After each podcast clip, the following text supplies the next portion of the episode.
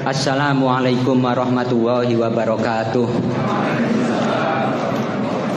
Bismillahirrahmanirrahim.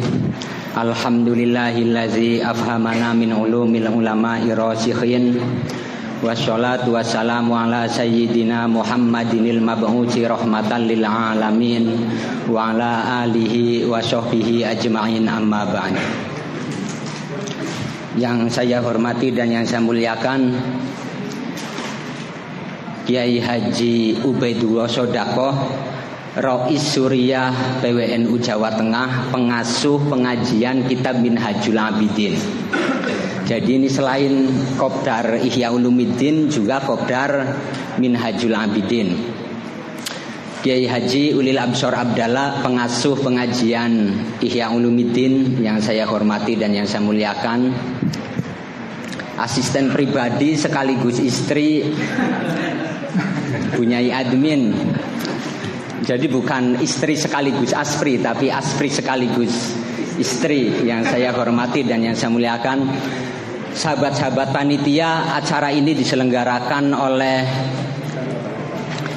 media nujateng.com media NU-nya Jawa Tengah juga bekerja sama dengan Lakbesdam juga bekerja sama dengan santrinya Kiai Ulil santri Ihya Mas Nanang dan Batuti mana orangnya ini?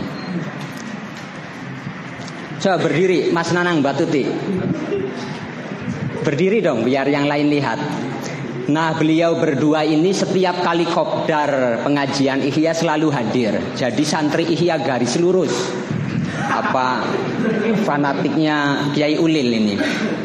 Sahabat-sahabat sekalian yang saya hormati dan yang saya banggakan Untuk menyingkat waktu langsung saja saya persilahkan kepada Kiai Haji Ulil Absor Abdallah untuk menyampaikan materi pengajian seperti biasanya. Cuma mungkin dipersingkat biar lebih banyak diskusi nanti disusul Kiai Haji UB2 Sodako. Kebetulan nujateng.com ini setiap hari Jumat mengadakan pengajian kitab Minhajul Abidin diampu oleh Kiai Haji UB2 Sodako. Eh, para peneliti berbeda pendapat terkait kitab Minhajul Abidin ini. Ada yang mengatakan itu bukan karya Al-Ghazali. Ada yang mengatakan itu karya Al-Ghazali yang terakhir. Tapi agaknya Syekh Isan Jampes ini menisbatkan atau menyandarkan Minhajul Abidin kepada Abu Hamid Al-Ghazali namun dengan cara didikte apa imla disampaikan yang menulis sahabatnya atau muridnya Abdul Malik.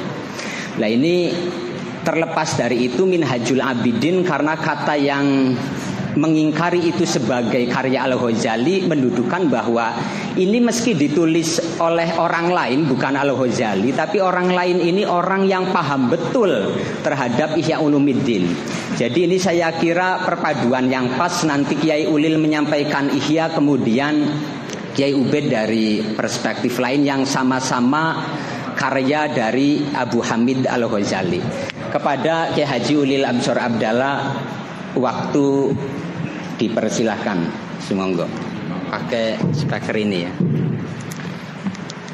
Ini ya.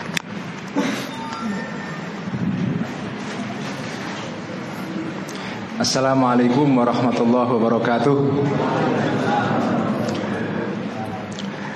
إلى روح نبينا وشفينا محمد صلى الله عليه وسلم وإلى أرواح الأنبياء وإلى وإلى أرواح الأنبياء والمرسلين وإلى أرواح الأولياء والشهداء والصالحين وإلى أرواح أموات المؤلفين والمصنفين والعلماء الصالحين خصوصا مؤلف هذا الكتاب حجة الإسلام أبا حامد الغزالي قدس الله سره ونور ضريحه وعاد علينا من بركاته.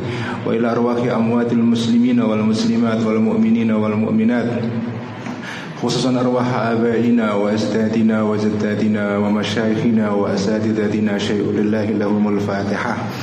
أعوذ بالله من الشيطان الرجيم. بسم الله الرحمن الرحيم. الحمد لله رب العالمين. الرحمن الرحيم. مالك يوم الدين. إياك نعبد وإياك نستعين.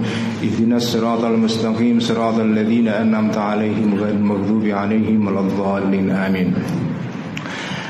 بسم الله الرحمن الرحيم الحمد لله رب العالمين والصلاة والسلام على أشرف الأنبياء والمرسلين سيدنا ومولانا وحبيبنا محمد وعلى آله وأصحابه أجمعين أما بعد فقال المؤلف رحمه الله تعالى ونفعنا به وبعلومه في الدارين آمين رب يسر وعين para بن سبوه terutama Kiai Haji Ubaidullah Sadaqah sebagai Rais Syuriah Nahdlatul Ulama PWNU Jawa Tengah dan Mas Khairul Anwar yang menjadi moderator pada malam hari ini uh, teman-teman semua terutama Mas Nanang dan Mbak Tuti yang mengusulkan ide untuk mengadakan ngaji ikhya di Semarang uh, saya ucapkan terima kasih dan juga kepada teman-teman yang hadir pada malam hari ini dan juga kepada teman-teman yang mengikuti ngaji ikhya lewat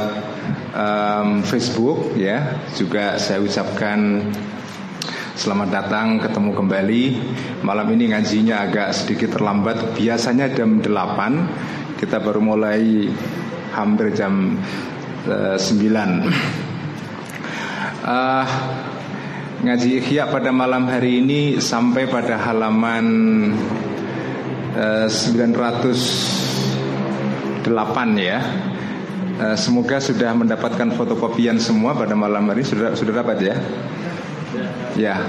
Uh, saya ngaji Ikhya memang ngaji ala pesantren jadi memakai teks dan juga akan saya baca kata per kata Uh, tapi karena malam ini saya didampingi oleh uh, Ki Ubaidullah Sadaqoh yang saya juga saya bangga sekali, senang sekali karena uh, tidak menyangka bahwa pada malam hari ini saya akan didampingi oleh uh, seorang tokoh yang saya hormati, saya kagumi juga dan saya ikuti juga pengajian Minhajul Abidinnya lewat Facebook juga.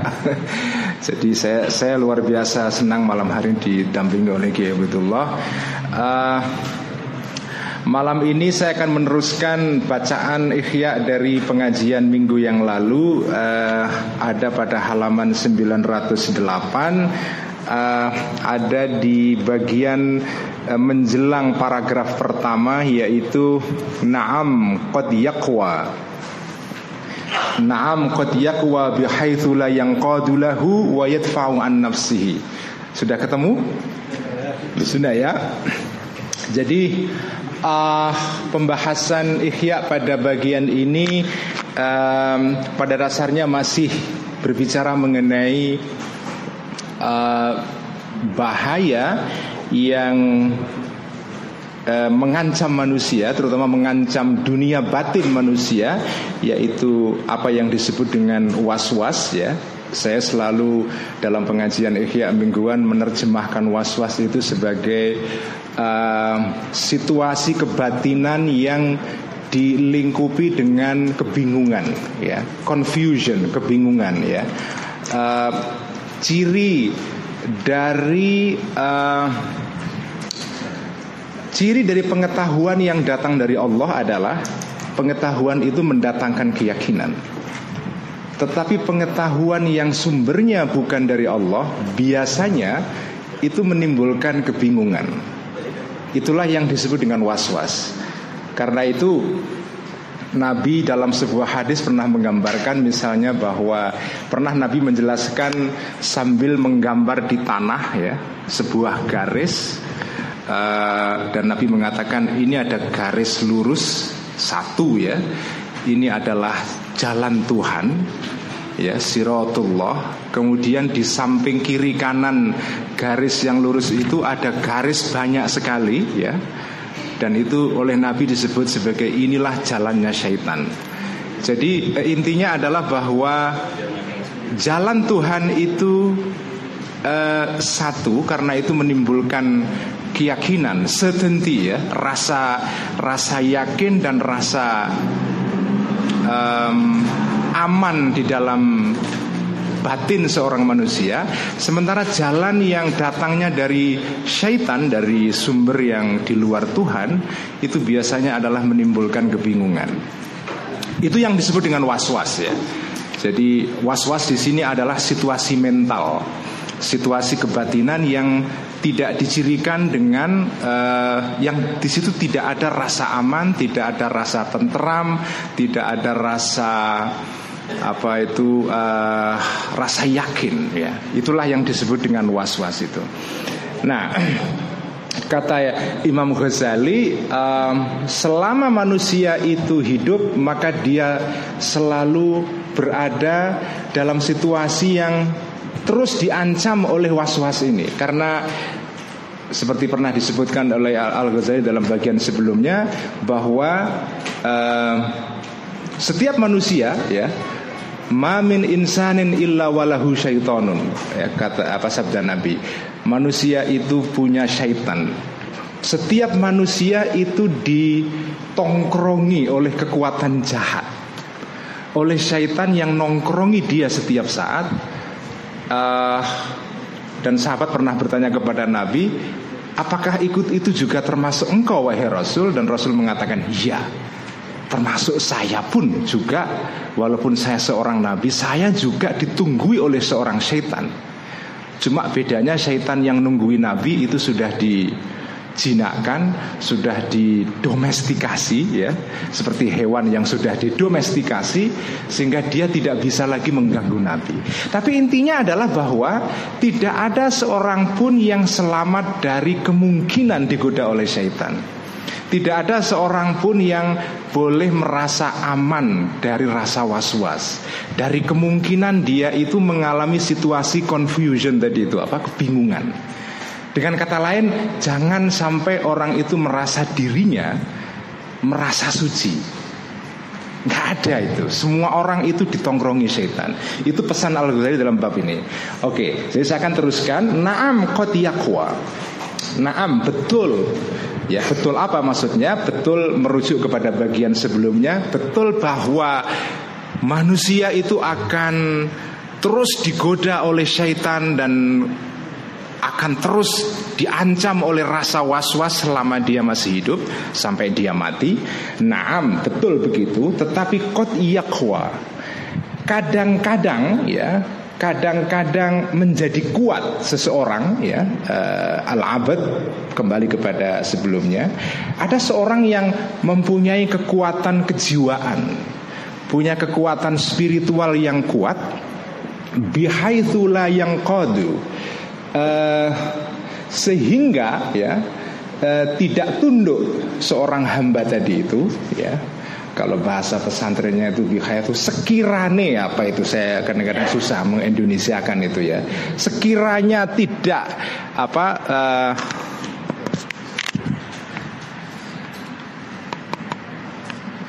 kenapa ini kok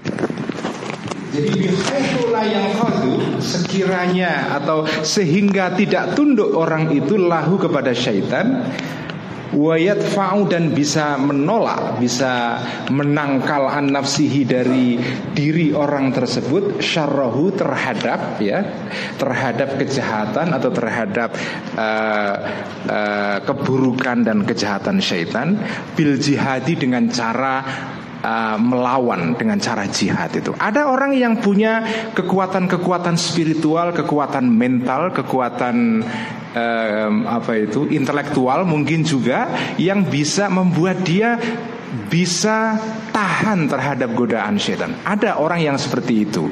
Tetapi walakin ya, walakin tetapi la yastagni. Tidak bisa la yastagni tidak bisa um, tidak bisa bebas, tidak bisa apa itu uh, berdiri sendiri ya. Orang tersebut kotu sama sekali anil jihadi dari jihad. Meskipun dia punya kekuatan spiritual yang bisa menahan diri dari godaan setan, tetapi layas ini dia tidak dia tetap butuh untuk melakukan perlawanan terhadap syaitan ya wal mudafati dan melawan madama selama adamu darah yajri uh, mengalir darah tersebut fi badani di dalam uh, badan dalam tubuh hamba tersebut.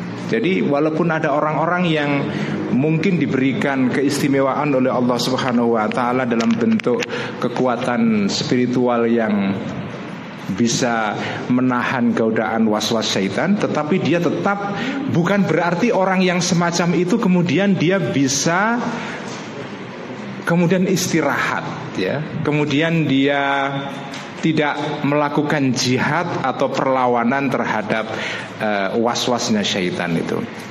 Karena itu faidan maka dengan demikian madama selama hamba tersebut hayyan hidup ya hayyan um, hidup. Fa abwabu syaitani maka pintu-pintu syaitan maftuhatun adalah terbuka ila qalbihi terhadap kalbunya hamba tersebut.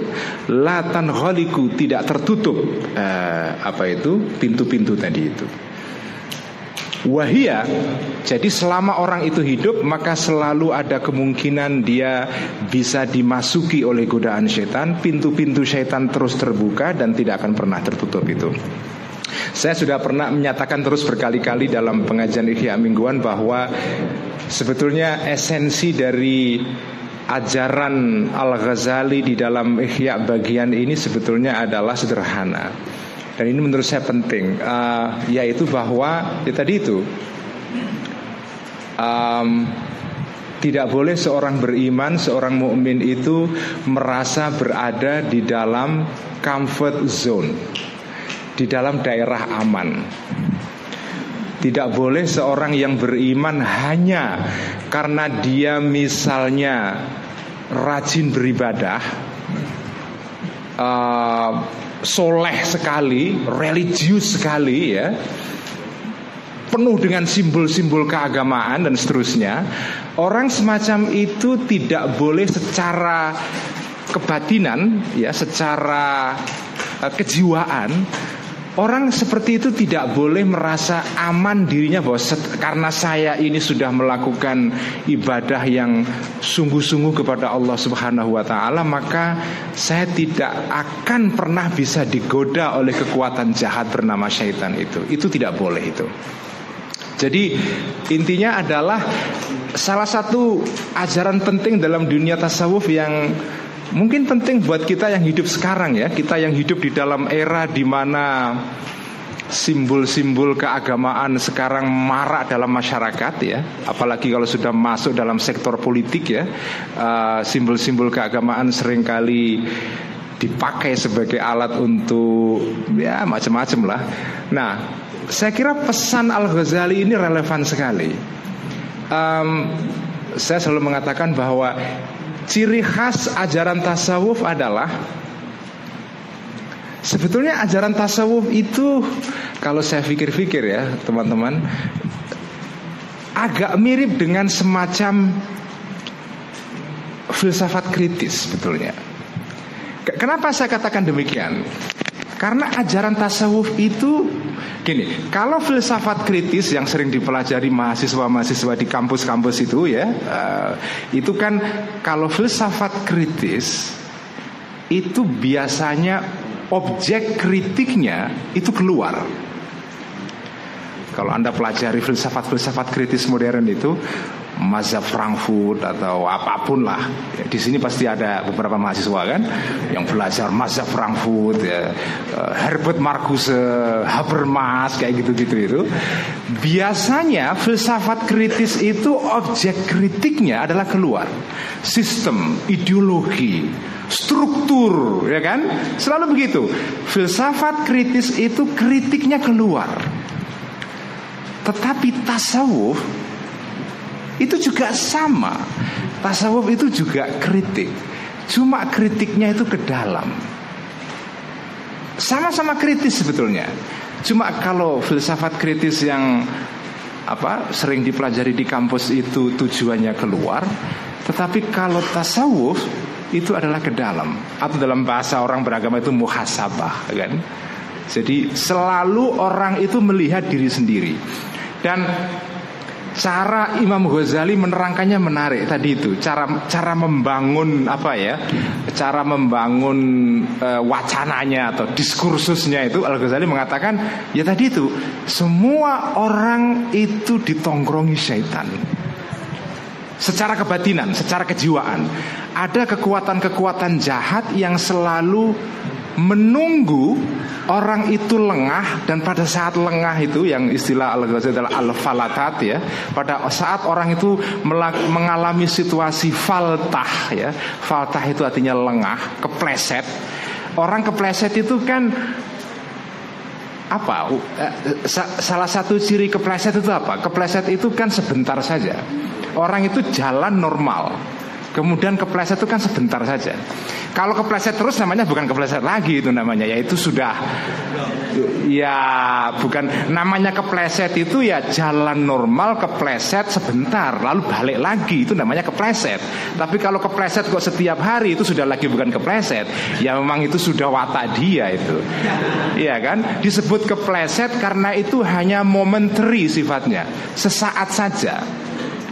Nah, Al-Ghazali mengatakan syaitan itu biasanya masuk ke dalam ruang kejiwaan manusia pada situasi faltah itu. Pada saat manusia itu lengah, dia tidak eling lan waspodo kalau bahasa kalau filosofi Jawanya itu ya. Pada saat orang tidak pada situasi eling lan waspodo, setan itu masuk itu. Jadi setan ini itu pernah saya gambarkan. Setan itu kayak polisi yang nunggu di pinggir jalan itu loh. Delek itu kan. Ya, iya kan polisi itu kan delek itu ngintip orang salah ah, baru dia nyegat itu kasih tiket apa uh. nah jadi begitu jadi syaitan itu tidak pernah menggoda manusia itu dalam situasi sadar pada saat manusia mengalami situasi sadar, syaitan itu mundur dia. Dalam istilah Al-Quran itu Al-Khannas, ya kan? Eh, Qul a'udzu birabbin nas, malikin nas, ilahin nas min syarril waswasil khannas. Apa itu khannas? Khannas itu artinya adalah syaitan yang tadi itu wataknya. Kalau manusia lengah dia masuk, begitu manusia eling dia mundur. Itulah watak syaitan. Dan Al-Ghazali dalam bagian sebelum ini menerangkan sangat bagus sekali. Beliau mengatakan bahwa Setan itu biasanya cara menggoda manusia adalah Bukan dengan cara yang wajar. Maksudnya wajar itu adalah Syaitan itu menggoda manusia bukan dengan cara mengajak manusia berbuat kejahatan langsung. Kalau kejahatan itu semua orang nggak mau kalau misalnya manusia uh, syaitan itu mengajak kita melakukan kejahatan yang terang-terang kejahatan, misalnya apalah membunuh orang, berzina, um, mencuri hak milik orang misalnya. Ya semua orang tahu itu semua dosa. Tetapi syaitan biasanya menggoda bukan dengan cara begitu. Syaitan itu menggoda dengan cara yang disebut oleh Al-Ghazali sebagai talbis.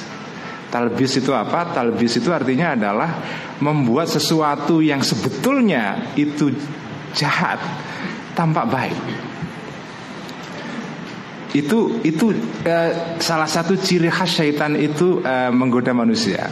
Jadi karena itu iblis disebut sebagai iblis karena dari kata iblis kemudian muncul istilah talbis dan talbis itu artinya adalah disimulasi. Ya. Disimulasi itu apa sih? Sesuatu yang sebetulnya itu kotor tapi dielap-elap dikasih merek bagus dikasih uh, bungkus yang keren sehingga sebetulnya dia jahat tampak menjadi baik. Yang itu di dalam dunia kapitalisme modern itu menjadi suguhan sehari-hari. Artinya Betapa kita sekarang hidup sebetulnya di dalam citraan-citraan yang sebetulnya citraan-citraan itu membuat sesuatu yang pada dasarnya jahat menjadi baik. Banyak makanan yang sebetulnya itu membawa bencana ya. Tetapi dengan teknologi marketing modern yang luar biasa canggih, dia tampak menjadi kelihatan sehat dan menyehatkan itu. Itu, itu kan itu kan. Jadi kita sekarang hidup dalam era talbis di mana-mana. Ya. Dalam pengertian kita hidup di dalam era di mana kita dikepung oleh citraan-citraan oleh dunia yang sebetulnya menipu itu yang disebut dengan talbis dan itulah cara setan sebetulnya ya. Setan itu cara masuknya dia menggoda manusia adalah bukan dengan cara yang wajar tetapi dia menggoda dengan cara uh, yang sangat uh, cerdik sekali itu. Jadi kembali kepada tadi itu intinya tasawuf atau intinya ajaran kebatinan Islam yang disebut dengan tasawuf itu adalah bahwa dia kritik cuma kritiknya ke dalam ya. Sementara kalau ilmu-ilmu sosial modern itu kritiknya keluar itu. Nah, jadi pintu-pintu syaitan itu akan selalu terbuka dan tidak akan pernah tertutup, ya. Dan apa itu pintu-pintu syaitan? Wahia dan uh, abu abu syaitan tadi itu adalah asyahwatu pertama syahwat ya. Kehendak ya, desire ya, syahwat. Wal yang oleh Al Ghazali dalam bagian sebelumnya syahwat itu dikiaskan. Masih ingat apa? Dengan syahwat itu dengan dengan celeng ya kan jadi um, ada dua kekuatan dalam diri manusia, kekuatan celeng dan kekuatan asu atau anjing ya. Ada kirek dan celeng dalam diri kita itu Bapak ya. Nah, celeng itu adalah syahwat itu. Kehendak untuk menyukai sesuatu tanpa kontrol ya. Konsumsi tanpa kontrol. Um, Itulah namanya syahwat. Itulah jalan masuknya syaitan kepada diri manusia. Wal ghadabu dan dan kekuatan marah ya. Itu yang disimbolkan oleh uh, Al-Ghazali menyimbolkannya sebagai asu atau anjing ya. Marah. Wal hasadu dan hasad, iri ya. Watomau dan rasa ingin terhadap milik orang lain itu atama ya. Watomau dan dan tama uh, keinginan apa untuk memiliki sesuatu yang ada pada orang lain. Wasyarohu dan apa? Greed apa itu greed itu? Uh, apa kok jadi lupa saya? Wasyarahu dan uh, keserakah ya keserakahan. Wasyarhu dan keserakahan Drembo. Kalau bahasa pesantrennya itu. Baru ingat ini diingatkan oleh Kiai Ubaidullah Sedekah ini. Wasyarahu dan drembo. Orang Jawa masih ada ingat nggak kata drembo itu? Ya. Nggak tahu kan? Itu Itu zaman old banget itu. Santri zaman now udah nggak tahu. Tapi itu menarik sekali. Uh, Tadi saya sebelum ngaji mulai itu Saya bilang kepada Kiai Ubaidullah Pesantren itu sebetulnya ini agak sedikit nyimpang dikit ya di luar pembahasan ya ini. Pesantren itu punya punya kontribusi yang besar yang tidak pernah diapresiasi oleh orang-orang lain, yaitu di dalam hal merawat bahasa Jawa. Bahasa Jawa itu ham, ya pelan-pelan itu kan hampir punah kan. Ya masih dipakai luas, cuma bahasa Jawa sekarang itu kan merosot hanya sekedar sebagai bahasa percakapan sehari-hari. Hanya di pesantren lah bahasa Jawa itu dipakai sebagai bahasa ilmiah untuk maknani kitab, untuk menjelaskan kitab. Di luar pondok nggak ada itu. Hanya di pondoklah bahasa Jawa itu dipakai sebagai medium intelektual. Yang kedudukannya setara dengan bahasa Indonesia, bahasa Inggris. Karena cara menyampaikan pemikiran. Termasuk tadi itu merawat kata drembo itu. Udah nggak ada itu. Orang Jawa di mana pun saya kira sudah nggak tahu itu kata drembo itu apa greedy apa keserakahan itu. Wa ghairuha dan yang lain-lain. Kama sayati sebagaimana akan datang syarhuwa penjelasannya semua tadi itu. Wa mahmakana dan dan kapan pun dan selama ada al-babu pintu tadi itu maftuhan terbuka pintunya setan ini terbuka terus. Wal adu dan selama ada musuh tadi itu yaitu uh, ghaira ghafilin tidak lupa selama musuh kita yaitu setan tidak tidak lengah dia akan selalu terjaga untuk menggoda manusia maka lam yudfa lam yudfa tidak bisa ditangkal al adu atau syaitan illa bil khirasati kecuali dengan uh, istilah khirasah akan bagus kalau diterjemahkan dengan bahasa Jawa itu. Eling lan waspodo itu ya. Bil khirasati dengan sikap awas ya. Bil khirasati dengan sikap awas. Eling wal mujahadati dan uh, sikap menentang atau perang itu ya. Ya itu jadi inilah inilah uh, pintu-pintunya syaitan yang menjadi jalan masuknya syaitan kepada dunia batin manusia. Syahwat ya. Rasa ingin marah nafsu agresi. Di dunia medsos sekarang ini nafsu godop itu wah, luar biasa sekali itu ya. Agresi. Orang itu sekarang di dunia medsos itu ya selain yang hahi hahi apa uh, share foto-foto makan ada juga yang begitu. Tapi ada juga orang melalui dunia medsos itu seperti ingin apa itu menerkam orang lain itu. Ya. Menguasai orang lain. Menghantam orang lain. Menyerang orang lain. Karena itu kalau di dunia medsos itu ada orang orang tweet war apa tahu nggak tweet war itu? Tweet war kan? Dis, apa debat ya? Debat poro padu kalau bahasa pesantrennya itu ya. Kalau ada poro padu di medsos itu tweet war wah saling nyek-nyekan hantam-hantam. Itu yang nonton itu nepuk tangan itu. Ayo lanjutkan lanjutkan gitu kan. Senang sekali. Kalau ada yang misalnya nge-tweet yang berbau apa yang potensial menimbulkan tweet war itu langsung yang nanggapi buka lapak siap-siap apa nyeduh kopi Maksudnya siap menyimak untuk mengikuti peperangan itu gitu. Ya begitulah. Menonton. Menonton ya. Siap gelar apa tikar apa. Seduh kopi. Sulut rokok apa. Udut kan.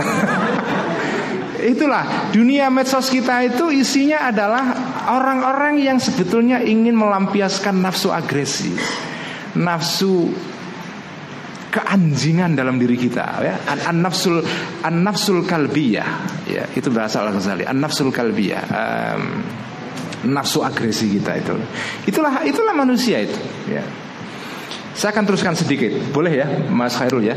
Saya, teruskan sedikit Kala berkata Rajulun seorang Seseorang ya Lil Hasani kepada Imam Al Hasan Al Basri Ya Aba Sa'idin Ayana musyaitonu Ya Aba Sa'idin Ini kunyahnya uh, Hasan Al Basri Ya Aba Sa'idin Wahai Aba Sa'id Ayanamu apakah tidur asyaitanu syaitan? Apakah syaitan itu tidur enggak?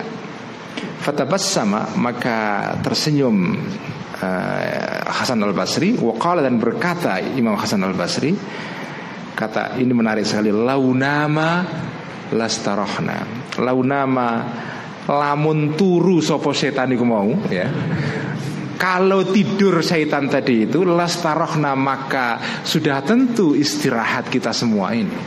Kalau syaitan itu tidur, ya kita istirahat. Tetapi tidak pernah tidur setan itu sehingga kita tidak mungkin istirahat itu. Faidan karena setan tidak pernah tidur faidan maka dengan demikian kesimpulannya la khalaso tidak ada keselamatan ya tidak ada rasa aman lil mukmini bagi seorang beriman minhu dari setan tadi itu. Naam betul ya ini naam di sini um, ini ini salah satu ungkapan yang menarik di dalam bahasa Arab ya yang sekarang sudah jarang dipakai dalam bahasa bahasa Arab modern. Ini biasa dipakai dalam bahasa Arab klasik ya. Naam itu uh, satu ungkapan yang biasa dipakai sebagai ungkapan apa dalam bahasa Arabnya itu lil istidrak apa um, ungkapan untuk uh, menambahi keterangan terhadap keterangan sebelumnya itu namanya istidrak ya. Naam betul bahwa uh, manusia tidak bisa selamat dari godaan syaitan.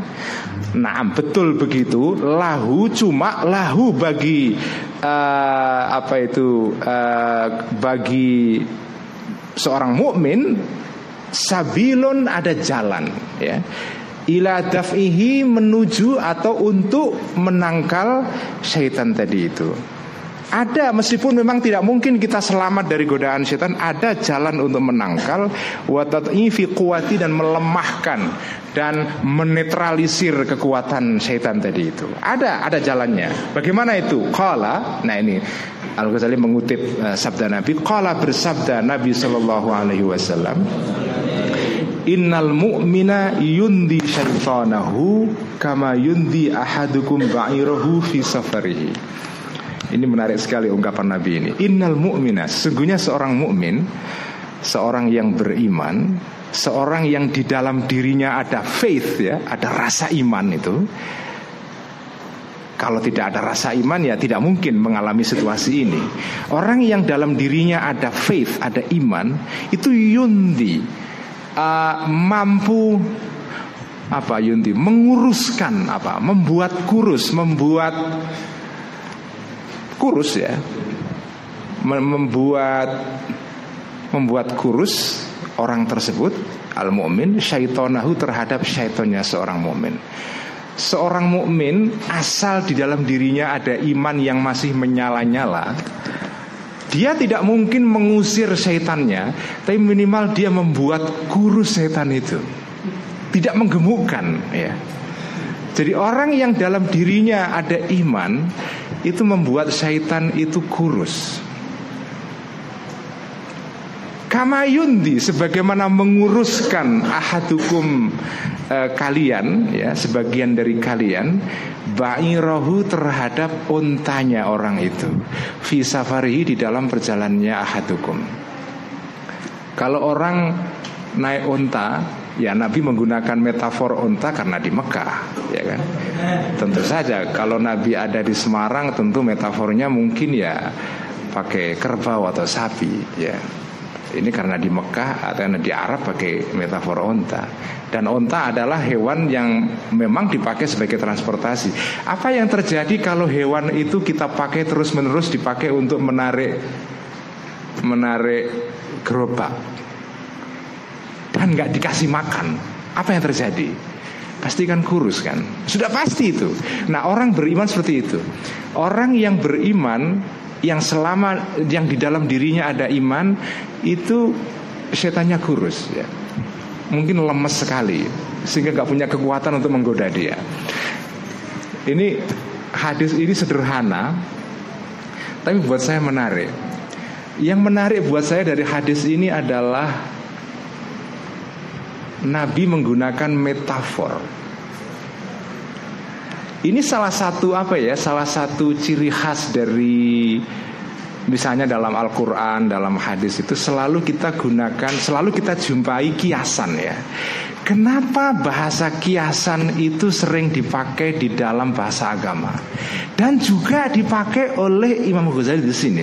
Kalau kalau kalau Anda semua baca kitab Ihya dari awal juz 3 ini yang kalau sudah pernah ngaji mingguan dengan saya, saya selalu tunjukkan Al-Ghazali itu di dalam kitab Ihya-nya dengan apa ya dengan sangat canggih sekali menggunakan bahasa kiasan banyak banget. Kenapa Al Ghazali menempuh jalan itu? Nanti saya akan terangkan nanti kalau apa kritiknya Ibnu Rus terhadap Al Ghazali ya Ibnu Rus pernah mengkritik Al Ghazali karena Al Ghazali itu orang yang menurut Ibnu Rushd makomnya itu atau makom buku-bukunya itu bukan makom falsafah. Kenapa? Karena Al-Ghazali itu bukunya penuh dengan kiasan. Bahasa kiasan itu biasanya dipakai untuk siapa? Untuk orang awam. Betul nggak? Kalau orang yang sarjana, IAIN gitu kan, itu nggak pakai kiasan. Yang pakai kiasan itu Anwar Zahid, gitu kan? Oh, ya kan? Yang dakwah untuk orang kampung itu pakai kiasan. Kalau dosen di UIN pakainya apa? Argumentasi ilmiah, rasional. Yang kata Rus al-burhan. Kalau Al-Ghazali kata Ibn Rus, Al-Ghazali itu wacananya itu bukan wacana filsafat. Wacananya itu disebut oleh Ibn Rus sebagai wasana al-khotobah bahasa pidato. Bahasa pidato itu cirinya apa? Banyak kiasan. Memang kenapa Al-Ghazali menggunakan kiasan? Karena Al-Ghazali berbicara dengan orang banyak. Kenapa kitab Ihya ini populer sementara kitabnya Ibnu Rushd dibaca oleh anak IAIN saja itu pun hanya jurusan usuluddin saja? Yang jurusan lain tidak baca. Karena apa? Karena Ibu Nurus tidak menggunakan kiasan. Baca itu semua bukunya Ibu Nurus itu. Faslul Makol atau apa itu uh, uh, buku-buku filsafat dia syarahnya terhadap Aristo dan nggak ada apa itu kiasannya. Tetapi kitab Ihya setiap halaman ada kiasannya. Meniru cara Nabi berkomunikasi dengan sahabatnya. Kenapa? Karena objek yang orang sasaran audiens yang diajak ngomong Al-Ghazali itu orang Islam pada umumnya. Itu yang menjelaskan kenapa kitab Ihya itu populer dari dulu sampai sekarang.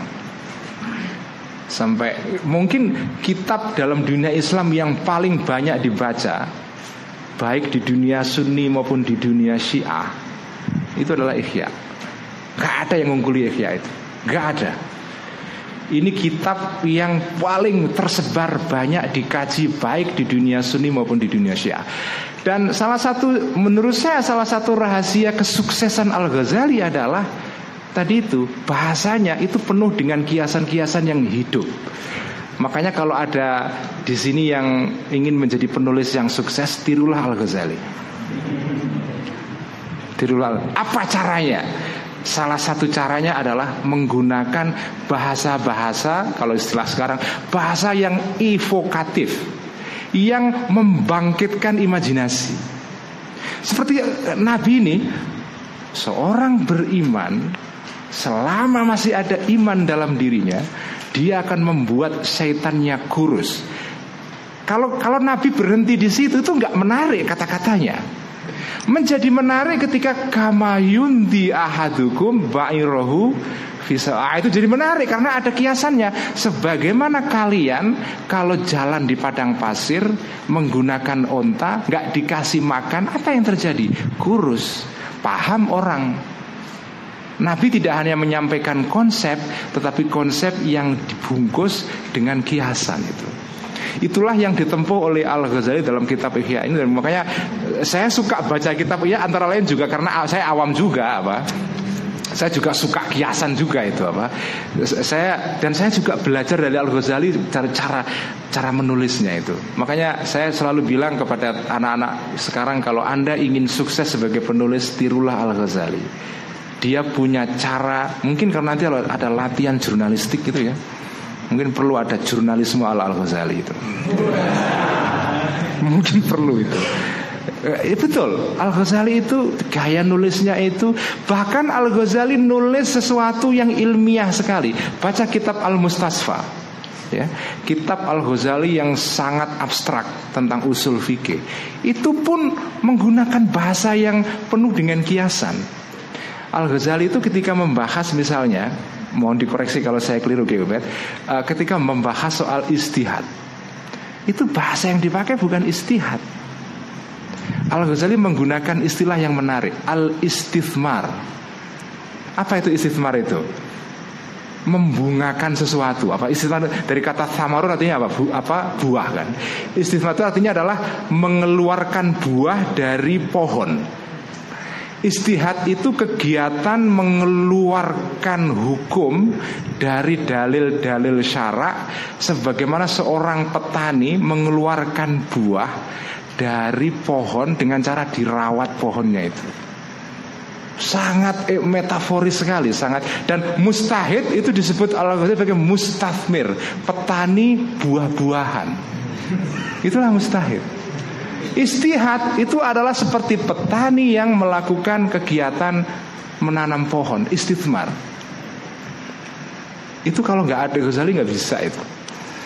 Jadi Al-Ghazali itu dan saya kira Al-Ghazali menempuh jalan ini mungkin juga meniru cara Nabi untuk ketika Nabi berbicara dengan para sahabatnya yang kebanyakan juga awam orang-orang Arab yang tingkat pengetahuannya rendah ya Nabi menggunakan banyak kiat. Dan di Quran sendiri juga begitu wadaraballahu mathalan. Allah membuat contoh membuat contoh. Makanya itu saya nggak heran kalau dai-dai di apa seperti Anwar Zahid gitu itu selalu pakai kiasan-kiasan kan. Dan karena itu orang jadi paham dan sebetulnya itu meniru sunnah Nabi itu kalau anda ingin meniru sunnah Nabi tirulah dengan cara kalau ngomong itu e, membuat dekat dengan orang yang diajak ngomong dengan cara membuat kiasan-kiasan itu. Jadi ini ini hadis sederhana tapi di mata saya maknanya sangat dalam karena tadi itu Nabi tidak hanya berkata apa al mu'minu Innal mu'mina yundina syaitonahu selesai. Tapi diteruskan kama yundi ahadukum ba'irahu fi saya kira saya atau saya tambah sedikit wakala dan berkata Ibnu Mas'udin sahabat Ibnu Mas'ud syaitonul mu'mini syaitannya seorang beriman mahzulun itu kuru. Apa kuru itu? Kurus. Ya cungkring. Syaitannya seorang mukmin itu kurus tetapi syaitannya orang kafir itu gemuk sekali.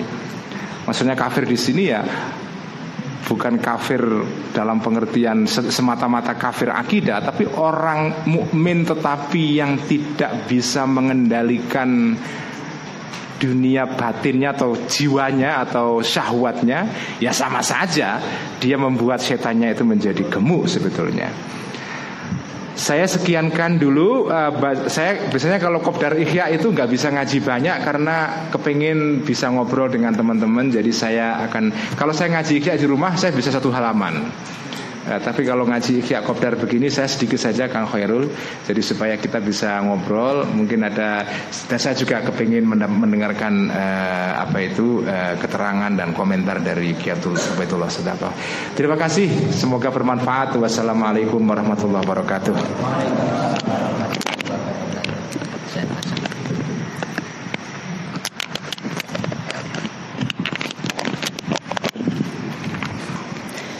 Ya terima kasih. Uh, saya kira banyak hal yang menarik meski pembahasannya singkat. Tadi yang perlu kita ingat bersama Mada mahayan fa'abwabu syaitoni maftuhatun ila kolbi Jadi selama seseorang masih hidup maka pintu-pintu setan akan selalu terbuka.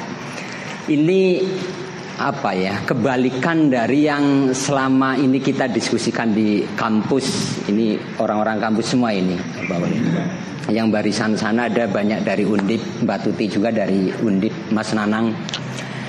Kalau dari apa yang disampaikan oleh Pak Kiai Ulil ini jalan menuju Tuhan itu hanya satu. Eh, tadi ya apa dari Ihya Ulumuddin tapi jalan setan itu justru yang banyak sekali. Ababu syaiton itu e, tidak bab tapi abab Jadi kebalikan dari yang biasa kita diskusikan. Kalau yang kita diskusikan ada banyak menuju Apa ada banyak jalan menuju Tuhan. Nah nanti ini apakah ini memiliki konteksnya sendiri dan apa yang penjelasan Al Ghazali juga memiliki konteksnya sendiri atau bagaimana? E, selanjutnya saya persilakan kepada Kiai Ubed. Tadi Kiai Ubed itu tanya ini apa disiarkan langsung? Jih disiarkan semua ada apa Ulil TV ini ada juga ada yang dari nujateng.com dan banyak sekali karena kata Ki Ubed ini berarti kaidah likul limakol makom likul limakom makol ini sudah tidak tidak relevan, Ji, karena eranya media sosial. Jadi apa eh, tidak ada sekat-sekat lagi. Saya persilahkan kepada Kiai Ubed.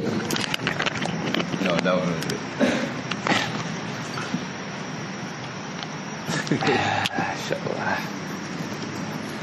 السلام عليكم ورحمة الله وبركاته. الحمد لله منزل الحكم على قلوب الكلم بحدية الطريق الأمام من المقام الأقدم ولا اختلافات النحل من الاختلاف الأمم. صلاة الله على ممت الهمم من بحر الجود والكرم بالقيل الأقوام سيدنا ومولانا محمد وعلى آله وصحبه وسلم أما بعد Maaf para mahasiswa di NU itu memang harus khutbahnya agak panjang sedikit ya. Itu Yang terhormat Mas Ulil Absar Abdullah Yang barangkali Mbak Inas dengan saya kenalnya sama Mas Ulil itu dahuluan saya. Kalau saya 93, 96, 97 Sudah kenal beliau Sama-sama masih jomblo pada waktu itu Kalau Mbak Inas ya barangkali belakangan. Tradisi pondok pesantren itu orang tua dengan orang tua.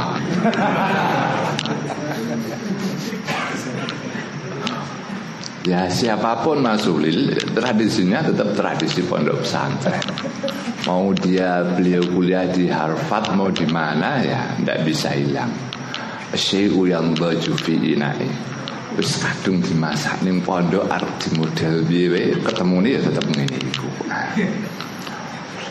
Alhamdulillah sekali saya merasa bahagia malam ini bisa bertemu dengan beliau. Dengan beliau pula saya difasilitasi untuk belajar aqidatul taharrur ala Gustur pada waktu itu di sana. Saya paham tentang aqidatul taharrur ini kebetulan uh, pada waktu itu ya moderatornya Mas Ulil gitu dan Mas Ulil memberikan beberapa komentar-komentar. Semestinya saya tidak makomnya untuk berbicara di sini karena ini merupakan forumnya Mas Ulil. Tapi berhubung saya sebagai sahibul bed ya oke lah, tidak apa-apa. Hadirin yang dimuliakan oleh Allah. Saya semestinya kaget sekali ketika melihat Mas Ulil membaca kitab Ihya Ulumuddin ini. Dalam dunia pesantren Ihya Ulumuddin ini merupakan tataran spiritual yang terakhir. Kalau sudah katam Ihya Ulumuddin ini biasanya Ya maaf ini semoga saja tidak Itu sudah akhir-akhir hayat itu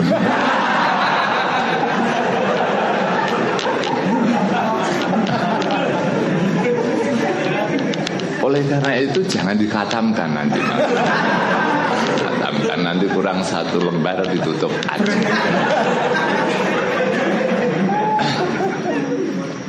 Sebab kitab ini adalah kitab hasil dari muka syafah.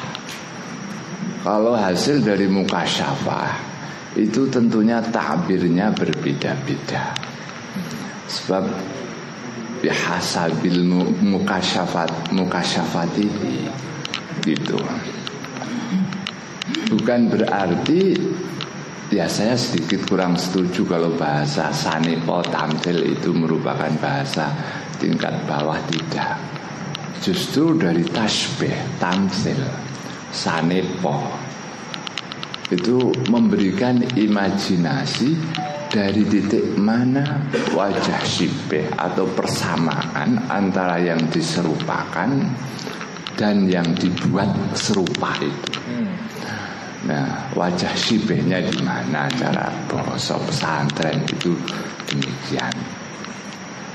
Kadang-kadang para pembaca itu justru bisa menemukan tasbih yang dibuat oleh sahibul kalam itu sendiri kalau itu tasbih kan demikian. Nah, karena ini merupakan kitab min ahlil mukasyafah sebagaimana komentar Muhyiddin Ibn al-Arabi maka takbirnya berbeda-beda di antara ulama-ulama. Panjenengan bisa membaca bahasanya misalkan Abdul Karim Al-Jili itu hampir mirip dengan bahasanya Muhyiddin Ibn al-Arabi. Podo-podo wangele gitu. Podo-podo angele dalam satu kitab pokoknya itu podo-podo angele namun Ihya Ulumuddin ini memang istimewanya mudah difahami untuk ukuran normal gitu. Barangkali kalau untuk ukuran saya dan ukuran panjenengan sulit Tapi untuk ukuran para ulama-ulama itu relatif standar dan mudah dipahami. Inilah keistimewaan beliau mengungkapkan syuur perasaan musyahadah dengan bahasa ilmiah dengan bahasa ya santri dengan bahasa mahasiswa dengan bahasa umum. Ini yang tidak bisa dimiliki oleh barangkali sebagaimana Maaf Ibnu Rus. Kalau saya bacanya cuma uh, uh, Bidayatul Mujtahid saja mas. Itu kitabnya juga bolak balik dan lain sebagainya. Tapi kalau ihya tidak ihya ini, ini tidak. Nah di samping itu Keharuman kitab Ihya Ulumuddin ini Tidak hanya sisi ilmiahnya saja tapi adalah sisi spiritual. Beberapa orde atau sekte atau tarekat-tarekat imam-imamnya itu sangat memuji kitab Ihya Ulumuddin ini. Yang saya ketahui sebagaimana Abil Hasan Al-Asyadili Dalam pengantar barangkali syarahnya Ihya oleh Muhammad bin Muhammad Syekh Al-Murtada Az-Zabidi di situ diterangkan bahwa Imam Abil Hasan Asyadili ditanya tentang bagaimana Ghazali itu, bagaimana ihya'nya itu. Imam Abil Hasan Asyadili lantas bercerita, saya bermimpi pada waktu itu ada Nabiullah Muhammad Sallallahu Alaihi Wasallam bertemu dengan Nabi Isa dan bertemu dengan Nabi Musa bareng-bareng jakong-jakong. Jakong-jakong Nabi tiga Nabi ini jakong-jakong. Lantas masing-masing bercerita tentang umatnya. Sampai ceritanya kanjeng Nabi Muhammad Kanjeng Nabi Muhammad bertanya kepada Musa dan Isa Afi ummatikuma Habrun mislu hadza Isa, Musa, ning umatmu ana kaya Ghazali iki ora? Gitu. Jawabnya Nabi Isa dan Nabi Musa tidak ada sama sekali. Tidak ada yang habrun mislu al-Ghazali. Dah, demikian. Ini Imam Abil Hasan Asy'aridi sebagai tokoh dan pendiri Syadziliyah demikian. Padahal banyak sekali penganut-penganut eh, penganut-penganut Tariqah Syadzili ini adalah al-alim al-alamah kakek-kakek ulama ngaten. Kula mboten mempromosike panjen yang ini yang tak waca ngaten. Sebagaimana Abdul Wahab Syarani ya sebagaimana dan seterusnya yang kita kenal itu Nah itu Imam Syadili mengatakan demikian. Kemudian lagi cerita-cerita ini banyak sekali. Apalagi cerita-cerita ulama-ulama Jawa lebih banyak sekali gitu, ulama-ulama Jawa. Saya cerita ulama-ulama daulah. Umpamanya Fakhruddin Asyasi itu mengatakan pada suatu saat ada orang mengejek Imam Ghazali. Ya, dalam kitabnya mengejek dan lain sebagainya. Kemudian satu saat rojulun itu karena ini cerita jelek maka tidak ada nama rojulun demikian saja. Fakhruddin Asyasi itu mengatakan demikian. Orang tersebut kemudian bertemu dalam satu mimpi ada Nabiullah Muhammad, ada Abu Bakar As-Siddiq, ada Umar bin Khattab. Kemudian tiba-tiba ada Imam Ghazali. Imam Ghazali berkata kepada Nabi, "Hai Nabi, itu orang mengejek saya dan menggoblok-goblokkan saya, menyesat-menyesatkan saya." Maka pada waktu itu Nabi membawa pecut dan dipukulkan kepada orang yang mengejek itu sampai bangun tidur itu masih bapak belur orang tersebut. Nah, cerita-cerita ini banyak sekali, mistik-mistiknya sekali. Nah, tentunya kulon jenengan ya orang ngerti wong itu muka siapa ya. Orang ngerti.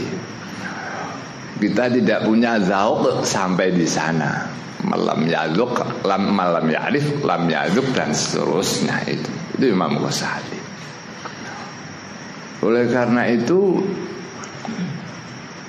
kitab-kitab beliau ya semestinya ada yang sulit ya banyak yang sulit.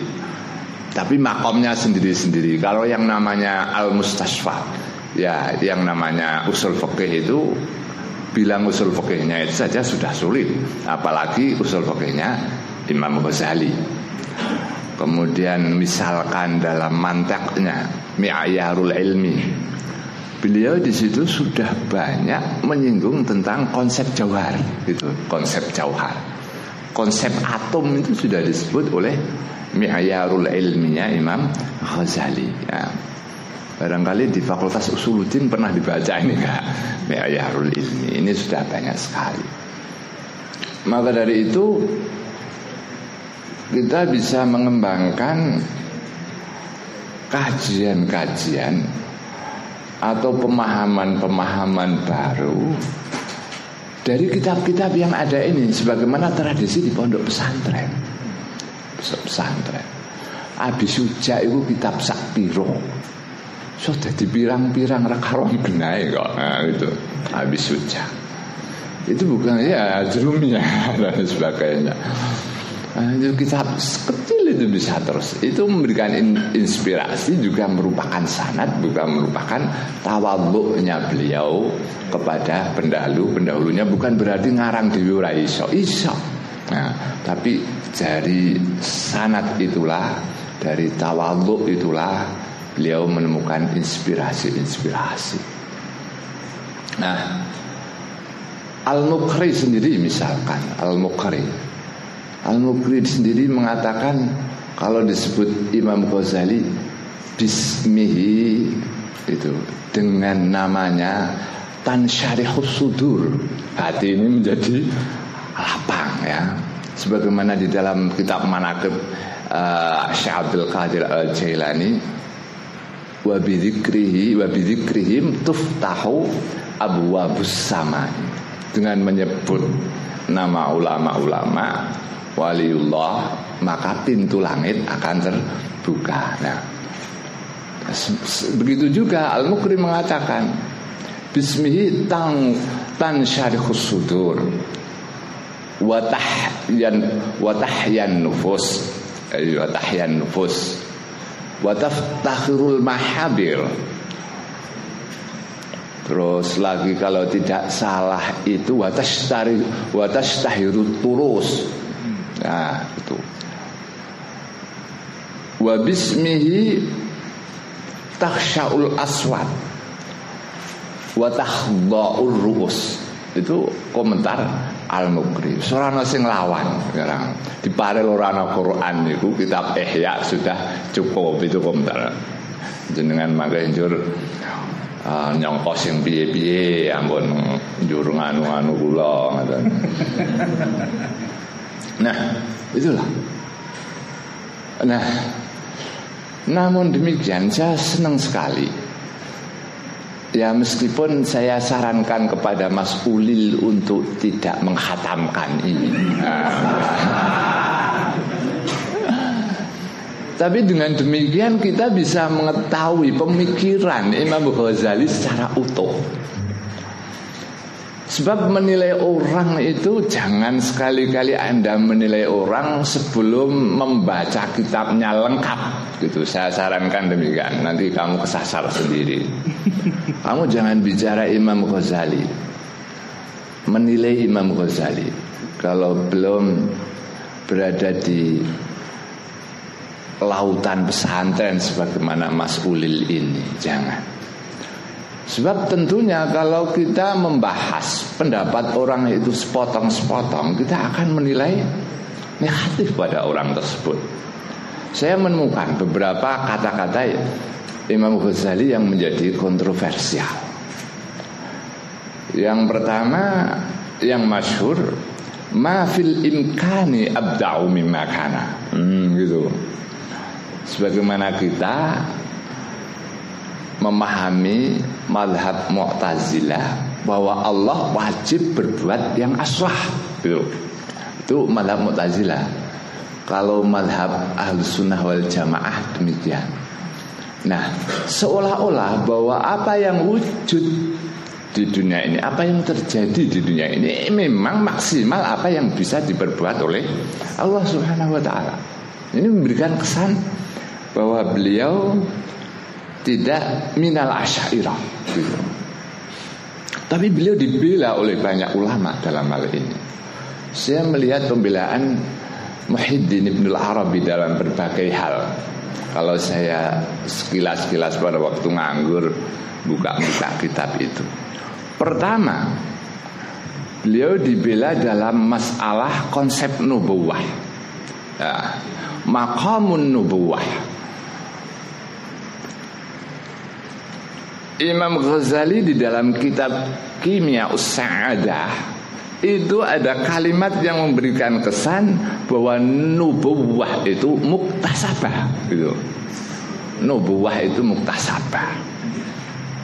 Di we ngaji terus mendito engko bisa jadi nabi, katakanlah demikian. Muktasabah seolah-olah demikian. Tapi dibela oleh Ibnu Arabi dalam hal ini. Dalam hal ini dibela bahwa yang dimaksud Ghazali Abi Hamid mengatakan demikian ini adalah maqamun nubuwah. Bukan nubuwah itu tasyrek nah, itu itu kalau itu jelas dalam apa Futuhatul Makkiyah dalam bab ke-73 itu jelas kayak demikian ini namun ada juga yang dikritik oleh Ibn Arabi yaitu masalah nuzulul malaikah ba'dan Nabi sallallahu alaihi wasallam. Kalau menurut Al-Ghazali nuzulul malaika adalah nuzulul ilham. Nah, nuzulul ilham. Kalau Ibnul Arabi nuzulul malaika itu ya nuzul binafsil malaika. Walakin munazzal beh sing diturunke iku beda karo sing diturunke nabi. Ya, jadi menurut Ibnu Arabi panjenengan bisa keturunan Jibril malaikat Jibril. Kalau menurut uh, Imam Ghazali, Anda hanya bisa keturunan ilhamnya saja. Ilhamnya saja kayak demikian itu. Di banyak sekali. Ya juga keras juga kritik Ibnu Arabi.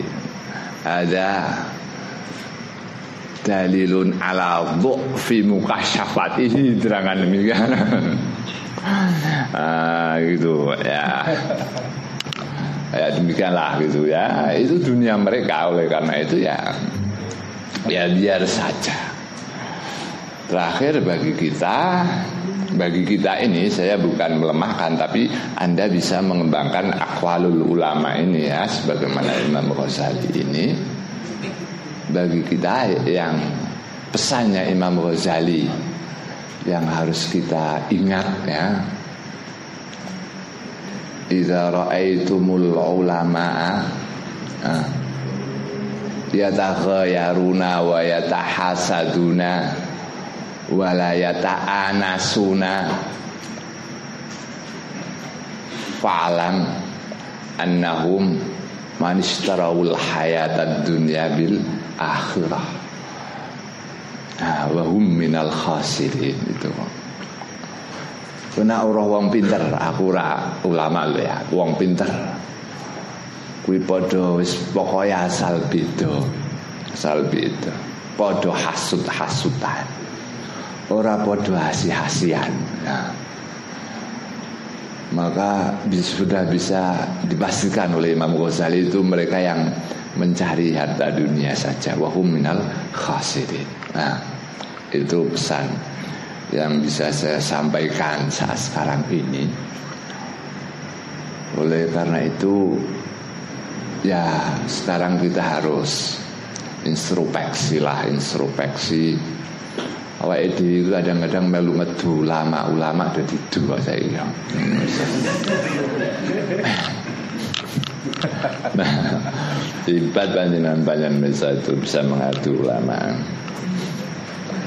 Nah, kemudian beliau dumeh wis ngaji ikhya ulumuddin panjenengan mangke ngaku-ngaku wali ya jangan ngaku wali Sebab menurut peringatan beliau ada dosa yang mengakibatkan dosa yang berat ini yang mengakibatkan seseorang itu menjadi suul khatimah. Yaitu apa? Mudda'il wilayah. Orang yang ngaku-ngaku sebagai wali.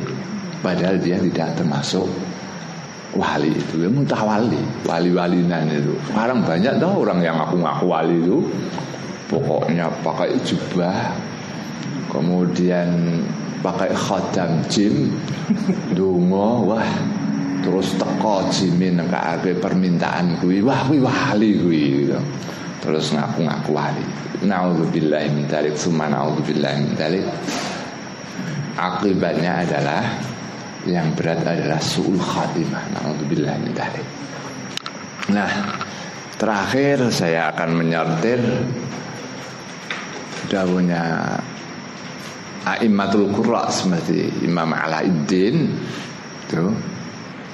Nahnu mimman madha kama salib baklin tahta asjari nakhlin tiwalin.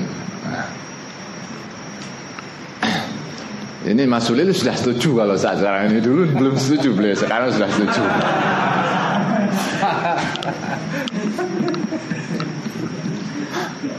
Nah, kalau saya di sini tidak nemoni Mas Ulil tidak kualat sama Mas Ulilnya tapi saya kualat sama ikhya-nya.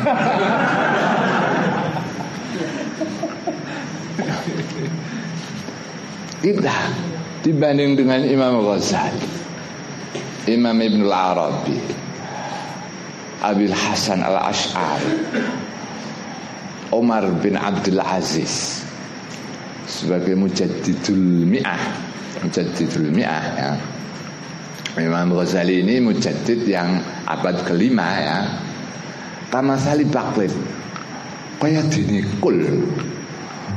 Tahta asjari nakhlin diwalin di bawah wet klopo sing dhuwur-dhuwur ya.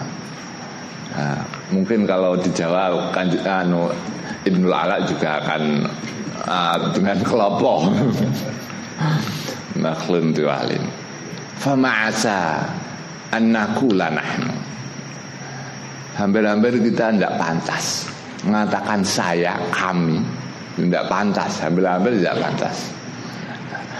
Wa afdalu darajatina an nafhama walau kanat af'aluna la tushbihu af'alahum.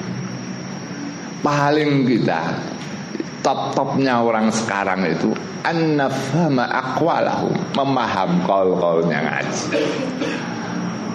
Muhammad bin Muhammad Al-Murtada Az-Zabidi ngaji Ihya itu 11 tahun. Dalam keterangannya itu 11 tahun bil imla gitu. nah itu syarahnya Ihya. Yang saya lihat syarahnya ya cuma itu Mas Ulil ya tidak ada yang lain. Itu kalau ikhtisar banyak. Uh, itu toh dikarang abad ke 13 12 ya 12 uh, Muhammad Muhammad Al-Murtada itu. Nah An-nafama aqwalahum. Ya meskipun kelakuan dewi kurung kayak mereka Untung pertama kita sudah tahu. Oleh karena itu Saya selalu memberikan pengantar ketika ngaji-ngaji demikian ini ngaji ini pentingnya apa? Mengetahui cacate awake dhewe gitu. Kowe ngaji kaya apa ora iso nglakoni ora apa-apa asal dari situ kamu sadar bahwa kita itu adalah orang yang berkurang, orang yang cacat. Dari situlah kita akan menjadi baik. Nah orang ngerti cacate apa kowe iso dadi apik. Yo wis welek. Welek Nah mau setane gering nak saiki nak ning kene iki aku sing gering setane sing lemu Mas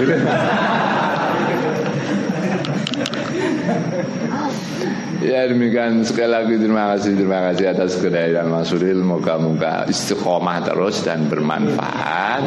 Akhirul kalam amalana wa ya'lu an muwaffiq Assalamualaikum warahmatullahi wabarakatuh.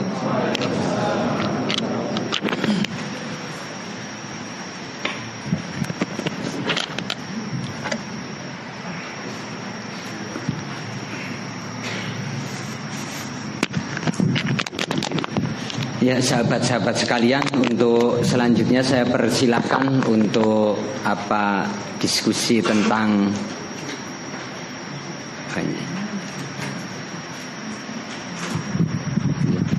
eh, diskusi tentang Ihya Ulumuddin dan Al Ghazali ini. Pertama satu terus. Iya dua tiga. Mungkin kita bagi ya apa tiga penanya dulu uh, maju ke depan saja mungkin ya. Ya maju ke depan sini biar masuk TV ini. Ini, ini.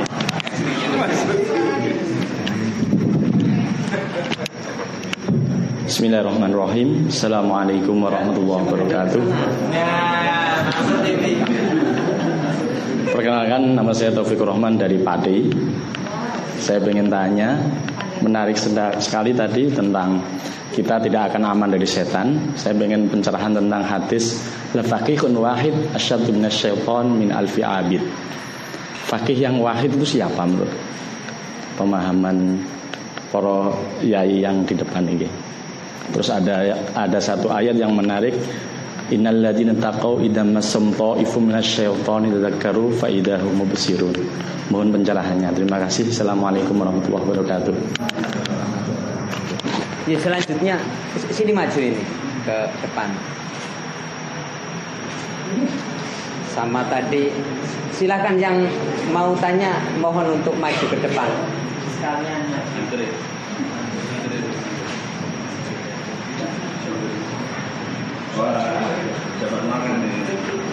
Ini sini maju.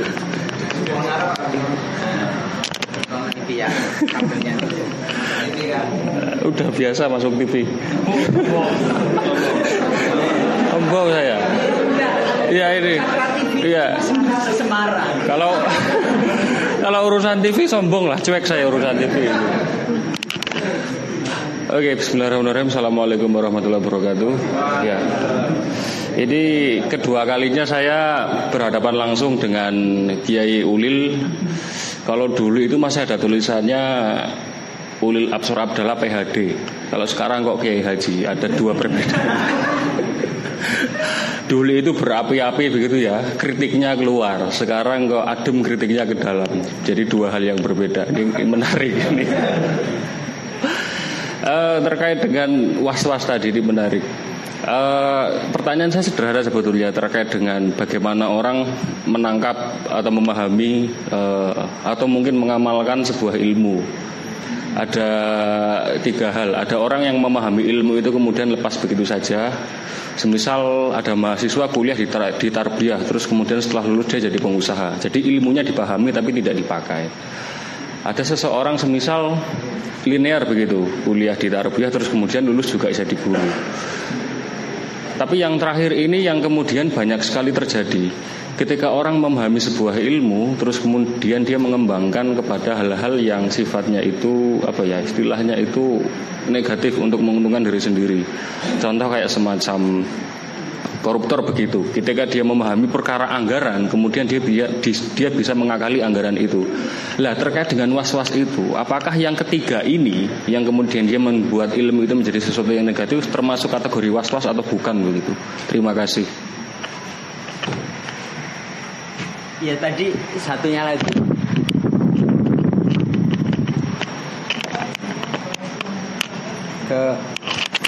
nggak apa-apa sini sini maju. Sambil menunggu penanya yang lain sambil menunggu penanya yang lain saya persilakan kepada Kiai Ulil terlebih dahulu. Monggo.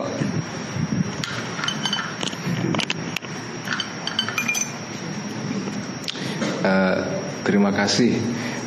Pertama saya apa senang dan uh, mendapatkan ilmu yang banyak dari keterangan Kiai Ubaidullah tadi itu uh, Kiai Ubaid ini saya anggap istimewa karena beliau ini sedikit dari kiai di dalam tradisi NU yang uh, mau atau punya apa itu uh, kesabaran untuk membaca Ibnu Arabi karena Ibnu Arabi ini uh, tokoh yang luar biasa. Ini seperti raksasa besar di dalam tradisi mistik Islam ya.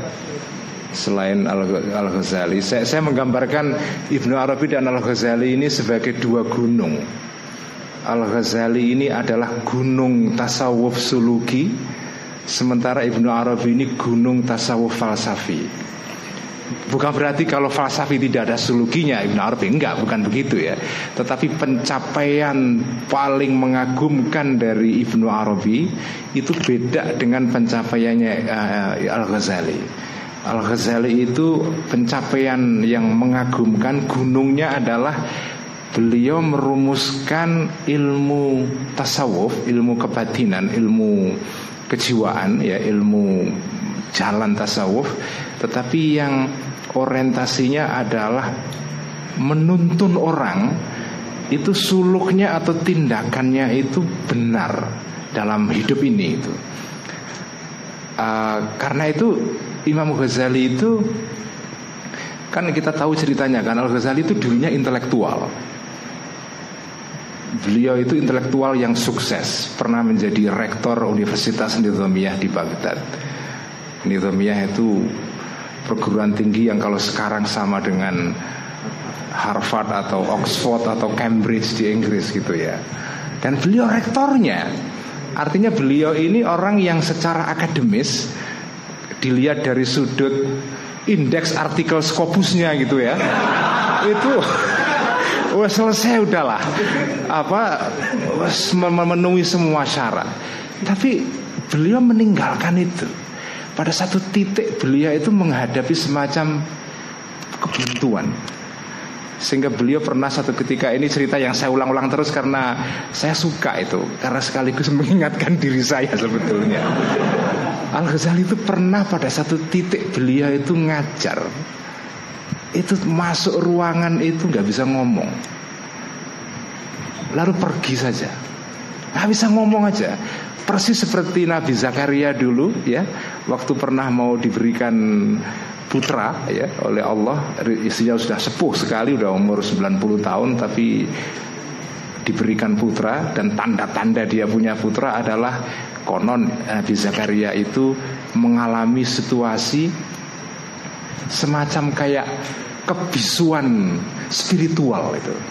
Gak bisa ngomong apa-apa. Mungkin seperti orang yang apa ya? Orang yang saya bayangkan Al Ghazali itu menghadapi situasi kayak orang melihat bangunan yang menakjubkan. Orang kampung lihat bangunan di kota menakjubkan terus domblong. Ya, apa domblong itu? Takjub speechless, nggak bisa ngomong apa-apa. Nah, eh, eh, Al Ghazali pernah mengalami situasi seperti itu. Beliau tidak bisa ngomong sama sekali sampai akhirnya ditinggalkan semua jabatannya dan kemudian beliau melakukan apa mau eh, uzlah, melakukan khalwat, melakukan meditasi selama beberapa tahun di di Damaskus dan di Palestina di apa itu di Baitul Maqdis ya. Dan kemudian setelah itu ngarang Ihya, tapi setelah melakukan meditasi itu uzlah itu Al Ghazali balik lagi ngajar lagi. Cuma ngajarnya bukan di Baghdad. Ngajarnya beliau balik di kampungnya di Tus di kota Khurasan ya salah satu daerah di kota apa di daerah Khurasan. Beliau balik ke sana dan mengajar kembali. Itu pun setelah dipaksa oleh Sultan pada zamannya. Artinya Al Ghazali itu um, tidak uzlah selamanya Tapi kemudian setelah uzlah beliau merumuskan satu pikiran yang Membawa transformasi atau perubahan kepada masyarakat uh, uh, luas itu. Nah Ibnu Arabi itu lain. Ibnu Arabi itu falsaf atau tasawufnya itu beda. Tasawufnya itu tentu ada suluknya juga Tetapi yang menakjubkan dari Ibnu Arabi adalah Beliau ini berhasil membangun Suatu ilmu yang komprehensif mungkin bisa disebut dengan teori itu ya tentang teori mengenai wujud ini. Wujud itu wujud wujud itu apa sih wujud? Ada. Kita ini semua kan ada kan. Tapi wujud ini gimana? Dirumuskan bagaimana kita merumuskan orang Gusti Allah ono manusia menungso ya ono kitab ki ono dampar ki ono Mik ini maksudnya semua ini ada ini. Cuma apakah adanya Tuhan itu sama dengan adanya kita itu? Kita semua wujud itu kan. Apakah wujudnya Tuhan dengan wujud kita ini sama? Kalau beda, di mana bedanya? Dan bagaimana hubungan antara wujud manusia dengan wujud Tuhan? Itu rumusannya luar biasa di dalam Futuhat Makiyah yang nah ini saya tadi saya menyebut kembali Kiai Ubaidullah Sodakoh ini kiai yang menurut saya jarang. Kiai longko bahasa Jawanya itu. Kiai long nadirun jidan gitu. jarang kiai kiai NU apalagi yang baca Ibnu Arabi itu jarang sekali. Jarang sekali itu. Nah saya makanya saya merasa terhormat sekali malam ini uh, Ubaidullah mau rawuh ke sini dan dan malah membahas Ibnu Arabi. Saya sebenarnya takut membaca membahas Ibnu Arabi. Nggak berani saya. Tapi beliau justru ngajak kita masuk ke sana. Saya senang sekali. Uh, tapi tadi saya senang dengan apa uh, pertanyaan tadi ya uh, tentang pertama yang pertama tentang tentang apa itu? Uh, tadi apa? Tentang Fakihun wahidun asyaddu ala syaitani min alfi abidin itu ya. Ya Saya rasa maknanya adalah ya Betapa itu kan biasanya hadis sering dikutip Kalau ulama sedang membahas mengenai fadilatul ilm kan. Apa? Tentang keutamaan pengetahuan. Kitab Ihya itu dibuka dengan kitabul ilm kan Eh, tentang kitab tentang pengetahuan dan apa itu keunggulan orang yang punya ilmu dan orang yang belajar ilmu itu itu itu bab pertama dalam kitab Ihya tentang jenis-jenis ilmu mana ilmu yang boleh dipelajari mana yang tidak dan seterusnya itu itu bab awal kitab Ihya itu. Nah biasanya ulama-ulama kita itu ulama-ulama klasik dalam Islam dalam dalam sejarah Islam itu kalau bahas mengenai fadilatul ilm itu biasanya mengutip hadis ini. Orang yang punya pengetahuan satu itu lebih bobotnya itu lebih berat bagi syaitan ketimbang seribu orang yang ibadah tanpa ilmu. Bukan berarti ibadah tidak penting, tetapi maksud hadis ini itu kan sebetulnya menunjukkan betapa makna bobot pengetahuan itu penting sekali. Uh, Dan itu yang menjelaskan saya kira kenapa Islam itu menyebar ke mana-mana Persebaran Islam itu ke mana-mana kan sebetulnya identik dengan persebaran ilmu. Uh, Ke mana pun orang Islam itu menyebarkan agama Seraya dengan itu kan menyebarkan pengetahuan sebetulnya. Dan itu menakjubkan buat saya ya. Bayangkan ya Saya kadang kalau baca sejarah Islam itu kadang-kadang saya sendiri kadang-kadang speechless nggak bisa ngomong itu. Bagaimana mungkin dari orang Arab Badui di padang pasir yang sederhana pikirannya tiba-tiba melalui Quran. Dan Quran ini kan kitab apa sesuatu yang tertulis kan?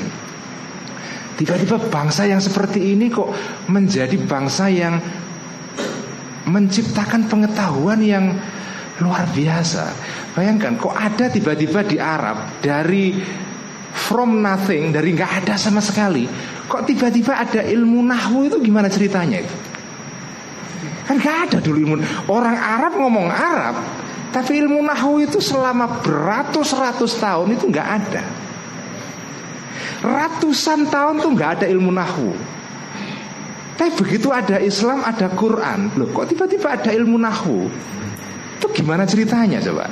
Tiba-tiba ada ilmu yang namanya ilmu sorof Tiba-tiba ada ilmu namanya ilmu balaghah itu Itu kan ilmu dari tiada menjadi ada dan itu itu semua terus terang gara-gara Al-Qur'an, gara-gara datangnya Islam yang membawa pengetahuan itu. Kalau kita kita baca sejarah lahirnya pengetahuan dalam sejarah Islam, buat saya itu keajaiban yang luar biasa. Karena ada ilmu-ilmu yang tidak ada menjadi ada. Ilmu usul fikih itu kan aneh itu. Itu, itu ilmu seperti itu kan aneh itu. Dari tiada menjadi ada. Tiba-tiba kok ada orang namanya Imam Syafi'i Nulis kitab Ar-Risalah Tiba-tiba merumus Sekarang yang belajar usul fikih Memang merasa ya usul fikih itu sudah kita biasa. Tapi coba kalau kita hidup kembali pada Abad kedua tiga Hijriyah misalnya yang ketika itu belum ada usul fikih tiba-tiba kok ada fikih itu eh, ada usul fikih itu itu gimana ceritanya itu semua menandakan bahwa Islam itu melalui Al-Quran, melalui apa ya wahyu itu membawa perubahan yang luar biasa. Salah satunya adalah ilmu. Karena itu hadis-hadis yang berbicara mengenai ilmu itu banyak sekali. Kalau kita baca di Ihya itu ayat, hadis dan akwal al ulama, pendapat-pendapat dan kata-kata para ulama itu banyak sekali dikutip ya. Baik, itu itu pertama. Yang kedua adalah ayat tadi itu Innalladzina idza massahum ta'ifun minasyaitani tadzakkaru fa mubsirun. Itu ayat dikutip oleh Al-Ghazali dalam bagian sebelumnya dan diterangkan dengan cara yang menurut saya agak beda dengan keterangan ulama yang lain. Itu buat saya menarik. Ini kan sebetulnya artinya gini, innalladzina taqau orang-orang yang bertakwa Idza massahum ketika mereka itu disentuh Ta'ifun oleh sentuhan minasyaitan dari dari syaitan ya. Ketika orang disen, disentuh syaitan Orang beriman yang bertakwa Ketika disentuh oleh syaitan Memang dalam apa ini kata Al Ghazali dalam situasi disentuh itu dia lengah itu dikaitkan dengan teori Al Ghazali mengenai faltah tadi itu. Syaitan itu kan masuk ke dalam jiwa manusia pada saat dia lengah. Tapi kalau dia orang bertakwa begitu lengah tazakaru dia langsung ingat. Begitu dia ingat faidahum mubsirun. Mereka kemudian tiba-tiba menjadi terbuka matanya itu. Dan kata Al Ghazali orang yang disentuh setan kemudian sadar lagi itu matanya lebih awas daripada sebelumnya maksudnya mata batinnya. Dan itu kalau saya rasa-rasakan ya kita sebetulnya bisa merasakan itu melalui pengalaman kita. Orang itu kalau pernah salah itu biasanya lebih hati-hati daripada orang yang nggak pernah salah. Bener nggak? Kalau kalau kita pernah salah gini kalau orang tidak pernah salah itu mungkin ya ya bagus nggak pernah salah bagus saja tapi bedanya dengan orang yang pernah salah adalah orang yang tidak pernah salah ini biasanya itu berhidup dalam situasi naif ya Naif ini bukan nama grup band ini apa tapi naif itu artinya apa? Orang yang memandang dunia secara lugu. Itu naif. Nah, orang yang pernah salah itu tidak naif. Dia ngerti ada lubang-lubang yang harus dihindari. Karena itu lebih hati-hati. Itu makna faidahum mubsirun. Tiba-tiba setelah dia tazakkaru, dia kemudian melek dan mata hatinya lebih melek daripada keadaan sebelumnya. Itu saya keterangan Al Ghazali itu luar biasa itu. Jadi apa uh, itu dikaitkan dengan itu penjelasan beliau tadi itu. Jadi setan itu kalau menggoda manusia itu biasanya godaan itu bisa berhasil kalau manusia itu lengah. Tapi ini hanya berlaku bagi orang yang beriman dan bertakwa ya. Kalau orang yang tidak punya iman dalam dirinya ya setan tidak perlu menunggu dia lengah ya. Kapan pun bisa masuk setan itu keluar masuk keluar masuk bebas sekali gitu. Tapi orang yang hatinya itu imannya masih menyala-nyala, itu setan tuh masuknya itu apa ya melipir-melipir gitu lah pak ya. Apa nggak bisa langsung jadi cari jalan apa itu pinggir gitu karena kalau langsung orang pasti nggak mau itu makanya dicari jalan melipir talbis tadi itu kan sehingga dia masuk itu Nah itu itu makna ayat yang menurut saya kadang-kadang Al Ghazali itu ngutip ayat dalam kitab ini sering kali. Kemudian makna ayat itu yang kalau dalam tafsir biasa maknanya A, tiba-tiba ketika dikutip oleh Al Ghazali itu maknanya lain. Karena itu menurut saya kitab Ihya ini selain kitab tasawuf sebetulnya juga kitab tafsir ini. Tafsir-tafsir Al Ghazali dalam kitab Ihya itu menarik sekali ada ayat-ayat yang dikutip Al Ghazali dalam konteks pembicaraan tertentu maknanya menjadi berbeda sekali. Tadi itu seperti saya senang tadi ada, ada yang nanya dan menyebut ayat itu innalladzina taqaw idza massahum ta'ifun minasyaitani tadzakkaru fa idzahum mubsirun itu. Nah, yang berikutnya saya itu sebetulnya dipanggil kiai itu apa ya agak enggan saya itu. Dipanggil Gus saja nggak mau saya kok. Saya lebih suka dipanggil Kang atau Mas saja. Karena yang nggak pantas saja. Nah saya baca Ihya ini ini mohon maaf ya Ubed. Memang kalau yang baca Ihya itu orang yang muka syafah yang itu kalau khatam memang itu langsung akhirul hayah itu tapi saya baca ini mau baca-baca saja ini kok. Jadi saya tidak khawatir. itu yang dicerita. Memang betul itu kata mbah saya. Mbah saya itu baca ikhya itu khatam 18 tahun. Baru khatam itu. Dan tapi dibaca dibaca lagi belum sampai khatam meninggal ya. Jadi ya tapi memang, memang sudah sepuh. 18 tahun itu kan sudah lama sekali itu apa ya. Padahal itu setiap hari itu baca ihya setiap hari pada jam setengah enam sampai jam enam sampai sholat maghrib itu ya. Setiap hari itu itu 18 tahun. Memang memang begitu apa ada ada kisah-kisah di kalangan kiai Jawa itu tentang kesaktian ihya ini ya. Konon katanya kalau kitab ihya ini dibaca dari awal sampai akhir urut itu itu entah kalau nggak kiainya ya santrinya itu ada yang sakit keras itu apa Makanya harus diacak itu kalau baca itu. Makanya saya bacanya langsung jilid tiga itu apa? Supaya menghindari kutukan itu tadi. Enggak, saya baca kitab Ihya langsung jilid tiga itu ada reasoningnya, ada alasannya. Alasannya adalah saya melihat bahwa inti kitab Ihya yang dibutuhkan masyarakat sekarang itu itu memang jilid 3 dan jilid 4. Karena jilid 3 dan jilid 4 itu isinya adalah tentang muhlikat dan munjiat. Muhlikat itu adalah sesuatu yang bisa merusak kondisi batin kita. Munjiat itu obatnya. Nah, obatnya ada jilid 4 ya. Dan masih lama sekali ini baru segini ya Pak masih masih, masih lama banget ini lah saya nggak tahu sampai jilid 4 juga kapan itu. Tapi uh, kitab Ihya jilid ketiga ini menurut saya relevan dibaca sekarang karena memang tidak berarti bahwa jilid pertama dan kedua Pertama mengenai masalah ibadat Rubu'ul ibadat ya Mengenai masalah ritual Dan kedua adalah rubu'ul mu'amalat atau al-adat Itu tidak penting Tapi saya menganggap bahwa bagian yang ini Itu mengenai jantung masyarakat modern itu Dan terus terang Tadi yang apa yang tanya kedua tadi uh, apa? Saya membaca Ihya ini pendekatannya memang ini saya sadar saya ini bukan ahlul mukasyafah. Pak sudah pasti enggak saya ini Giobet bukan ahlul mukasyafah. Bukan orang yang punya, mengalami kasyaf sesi enggak. Saya ini baca Ihya dengan tujuan sederhana yaitu memang ini kitab mukasyafah kitab berdasarkan pengalaman Al Ghazali yang luar biasa kaya dan kita nggak mungkin lah sampai kepada makom itu. Tapi minimal kita membaca kitab Ihya ini Kita bawa kepada situasi sekarang. Bisa nggak sih kitab Ihya itu dibaca Untuk addressing our problem itu? Untuk menjawab masalah-masalah yang kita hadapi sekarang. Dan saya saya saya mengatakan bisa. Di saya pernah menjumpai di Amerika itu ada ada kitab Ihya ditulis untuk anak-anak. Ihya for Children.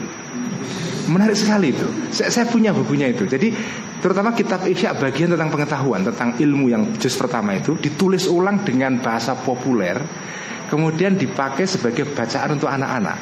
Jadi Al Ghazali for Children. Nah saya kepengen gitu kayak itu Kita semua ini kan anak-anak masih kan Jadi saya kepengen menjadikan Ihya ini relevan untuk kita yang masih kanak-kanak ini. Kita semua makomnya masih rendah sekali, tapi kita tidak usah apa itu uh, apa minder karena kita masih rendah lalu tidak bisa gayuh ihya. Ya kita gayuh ihya sesuai dengan kemampuan kita dan memang cara saya membaca ihya adalah selalu saya ingin menghubungkan dengan situasi sekarang. Dan saya kira bisa itu dan dan ini yang buat saya menarik. Tadi kan ada yang tanya soal apa itu uh, uh, orang-orang sekarang ini yang yang berilmu itu ada ilmu yang dipakai untuk ngakali orang dan seterusnya. Kalau kita baca kritik-kritik Al Ghazali terhadap orang-orang yang berilmu itu menarik sekali. Salah satu kritik-kritik Al Ghazali yang berulang-ulang ditulis dalam kitab Ihya itu adalah mengenai orang-orang berilmu tetapi yang menggunakan ilmunya itu untuk tujuan yang sifatnya duniawi yang beliau sebut sebagai ulama usuk itu kan. Orang-orang yang alim tetapi niatnya menjadi alim itu nggak benar itu. Nah saya itu merasakan kalau kita baca biografi Al Ghazali melalui Al Mungkith Minad dan juga melalui biografi yang ditulis oleh orang lain. Salah satu apa penjelasan tentang Al Ghazali yang saya kira sangat bagus itu adalah yang ditulis oleh Dr. Sulaiman Dunia dalam apa itu Nadhuriyatul Haq Indal Ghazali itu itu menarik sekali tentang sejarah Al Ghazali biografinya itu. Kalau kita baca biografi Al Ghazali itu Al Ghazali itu sebetulnya ini menurut pembacaan saya ya, mungkin saya keliru. Al Ghazali itu pernah mengalami situasi belajar ilmu itu untuk tujuan-tujuan yang mungkin tidak murni untuk untuk untuk Allah itu.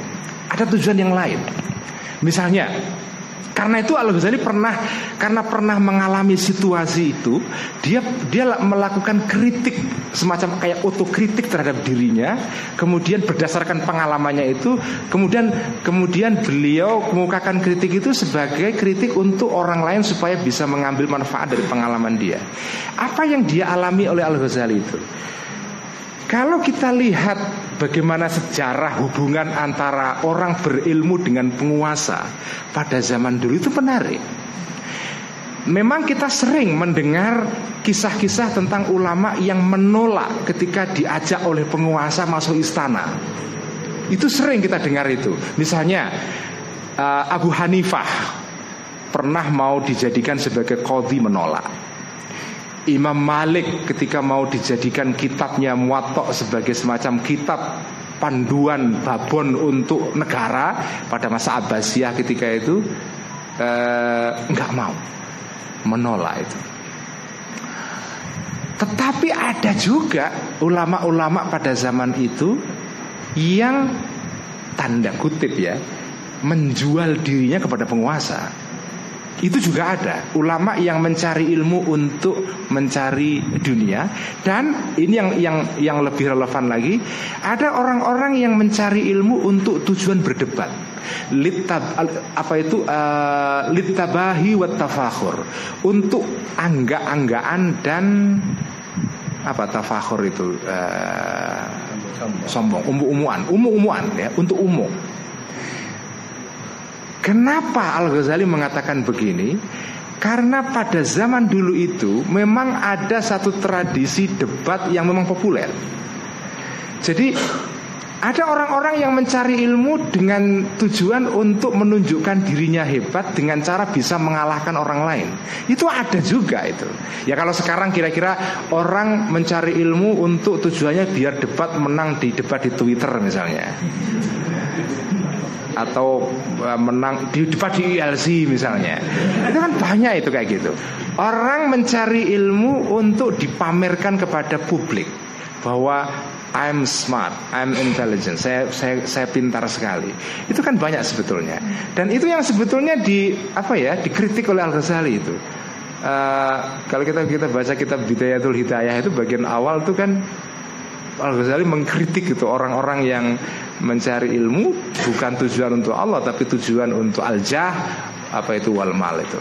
Nah, apa ya? Um, ya menurut saya pengalaman Al Ghazali yang seperti itu kemudian membawa beliau kepada makom berikutnya yang lebih tinggi yaitu ketika beliau melakukan uzlah dan kemudian apa ya mengambil jarak dengan dunia kemudian setelah itu dia uh, bisa melakukan kritik kepada praktek pengetahuan yang berkembang pada zaman itu. Jadi maksud saya ya apa ya Al Ghazali ini menurut saya kritik-kritik beliau tentang orang alim itu perlu dibaca oleh orang sekarang. Karena itu membaca bagian awal dari kitab Ihya tentang kitab mengenai pengetahuan itu penting karena biasanya Eh, godaan orang berilmu adalah memang pamer itu. Ya saya juga mengalami begitu juga Pak ya. Pamer gitu ya. Memang, memang kitab Ihya ini kalau dibaca itu kayak Kayak menusuk-nusuk diri kita sendiri sebetulnya. Dan itu yang saya perlukan sekarang. Kritik kepada diri sendiri itu. Tadi yang dikatakan Gilbert benar. Jadi kita, kita, memang tasawuf itu tujuannya ya untuk membuat kita ini egonya supaya tidak kegeden itu loh. Uh, supaya setan dalam diri kita itu misi tasawuf adalah mengkuruskan setan kita. Itu kira-kira gitulah supaya bukan kita yang kurus tapi setan kita yang kurus itu. Nah yang ingin saya tanggapi lagi ini. Tadi Gilbert itu menyebut satu pernyataan dari Al Ghazali tapi ini di luar bab ini ya. Yang saya kira menarik tadi itu, saya nggak tahu kenapa tadi kok Gilbert menyebut itu itu uh, pernyataan Al Ghazali yang menjadi misteri dan menjadi pembahasan oleh para ulama dari dulu sampai sekarang. Dalam kitab Ihya, beliau mengatakan laisa fil imkan abda'u makan. Itu itu pernyataan kalau saya menduga Geobet ya. Ini kayak itu kan Al Ghazali membahas panjang sekali mengenai tawakal, mengenai kemudian di puncaknya itu kayak mengalami semacam orgasme spiritual gitu. Lalu ke beliau tiba-tiba kewetu itu apa? Keluar pernyataan itu. Laisa fil imkan abda makan. Tidak ada sesuatu di wujud ini yang lebih baik daripada yang sudah ada ini.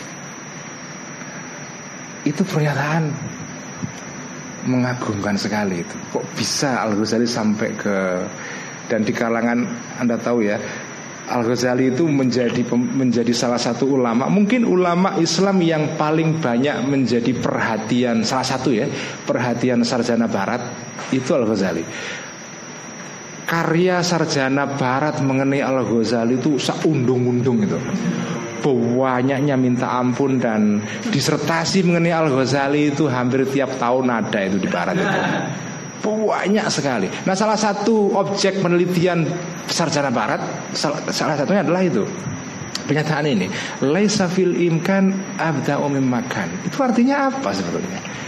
Di wujud ini nggak ada yang lebih baik daripada yang sudah ada ini.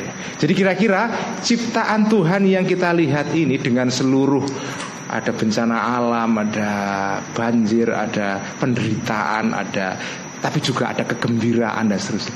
Nggak ada yang lebih baik daripada ini semua. Itu bagi orang yang benci Al Ghazali akan mengatakan ini Al Ghazali seperti seorang fatalis, ya kan?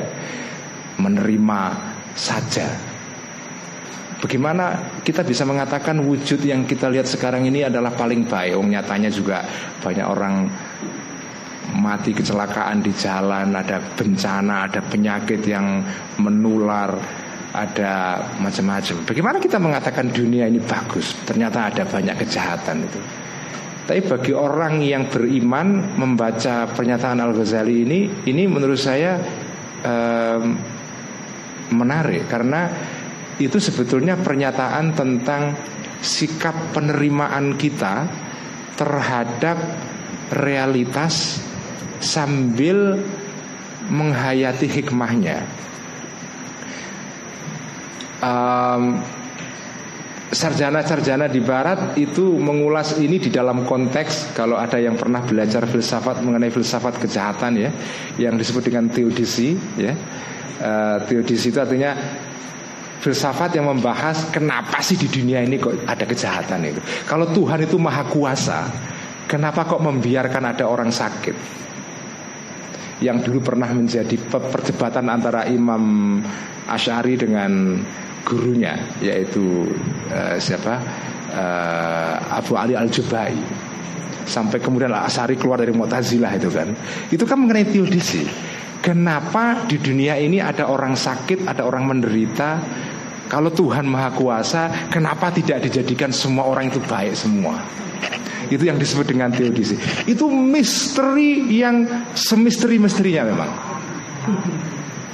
Dan Al Ghazali cara menjelaskannya adalah dengan teori tadi itu, laisa fil imkani abda umim makan. Dalam kitab Ihya itu diterangkan begini ya tapi ini saya jadi ke mana-mana ini. Oke, saya akan tutup dengan sebelum saya serahkan kepada Kiumet ya. Al Ghazali mengatakan begini. Kalau orang di dunia ini diberikan pengetahuan yang setinggi-tingginya, seragam semua. Orang di dunia ini diberi pengetahuan yang apa itu ilmu a'lamin nas fit dunia. Jadi ilmu orang yang paling alim di dunia ini dan aklu aqalin nas, akalnya orang yang paling berakal di dunia ini dan seragam semua. Kalau orang semua alim di dunia ini dan diberikan rahasia tentang seluruh wujud ini dan kemudian mereka diberikan kekuasaan oleh Tuhan untuk ngatur dunia ini. Itu dunia ini juga jadinya tidak akan berbeda dengan dunia yang sekarang ini ada. Artinya dengan ini apa kalau bahasa pesantren itu parilan apa parilan itu apa ya? Uh, andaian apa parilan seandainya manusia itu diberi ilmunya Tuhan rahasia wujud ini terus diberi kekuasaan untuk ngatur dunia ini itu akhirnya nanti dunia ini juga kira-kira sama seperti ini Ya ada orang sakit, ada orang sehat, ada orang kaya, ada orang miskin. Karena apa? Karena laisa fil imkan abda'u memakan. Kalau orang disuruh ngatur sendiri ya jadinya seperti ini juga. Sama saja itu. Saya jadi ingat film yang pernah dibintangi oleh siapa? Jim Carrey. Uh, apa itu The Almighty? Uh, Bruce Almighty. Pernah nonton nggak itu? Ada orang itu tokohnya dalam film itu orang itu uh, kepingin dia punya semacam kekuasaan yang seperti kekuasaannya Tuhan. Karena dia dia orang yang penuh dengan masalah dan seterusnya. Kemudian dia bermimpi seandainya saya punya kekuasaan seperti kekuasaan Tuhan, saya akan tolong semua orang itu. Kemudian dalam film itu digambarkan uh, akhirnya Tuhan memenuhi permintaan dia dan akhirnya dia bisa punya kemampuan untuk mengabulkan doa semua orang di dunia. digambarkan dalam film itu dia menjawab ribuan jutaan email yang masuk ke komputernya dengan cepat sekali. Semua orang yang minta pun dikasih semua itu. Yang terjadi apa? Dunia kacau. Ketika keinginan semua orang di dunia ini dikabulkan, kacau dunia ini. Itu jadi ketika saya nonton film itu jadi ingat Allah Laisa fil imkani abda umi makana itu. Jadi Ya memang ini yang paling baik Dengan seluruh kekur Ini yang paling baik Manusia mungkin ngeluh Kenapa kok saya begini Tapi keluhan itu Keluhan yang datang dari orang yang Perspektifnya Perspektif manusia yang sempit Kalau dia perspektifnya Tuhan Yaitu perspektif yang Apa Yang universal, dia akan bisa menghayati hikmah dari segala kejadian itu. Makanya uh, Al Ghazali ketika membahas ini itu sebetulnya dia mau mengajari kita bahwa kita ini harus menerima keadaan yang sekarang ini tanpa harus berarti pasif ya, tapi artinya adalah kita menerima ya karena memang nggak ada yang lebih baik daripada yang sekarang ini. Itu saya ketika baca pernyataan Al Ghazali itu juga kayak mengalami semacam situasi trans itu ya. Apa ini ya? Kok laisa fil imkan? Memang dan itu sampai sekarang pun masih mengganggu saya Ki Ubed. Kalau apa-apa gitu saya menasihati diri saya sendiri ya. Saya kadang-kadang kepingin itu kepingin ini kepingin jadi ini tapi nggak bisa ya laisa fil imkan Jangan-jangan di balik ini memang ya ada sesuatu yang Tuhan itu lebih tahu daripada saya. Bukan tawakal dalam pengertian pasif, tetapi apa ya realisme yang ini mungkin semacam realisme spiritual atau spiritualisme yang realis. Meng, menghayati keadaan yang ada di depan kita sambil mencari hikmahnya. Itu semacam spiritualisme realis atau realisme spiritual. Jadi yang ada kita terima meskipun berarti kita tidak bekerja untuk mengubahnya, tapi kalaupun kita tidak berhasil mengubah itu, ya mungkin Tuhan punya sesuatu di balik itu yang kita tidak paham. Terima kasih.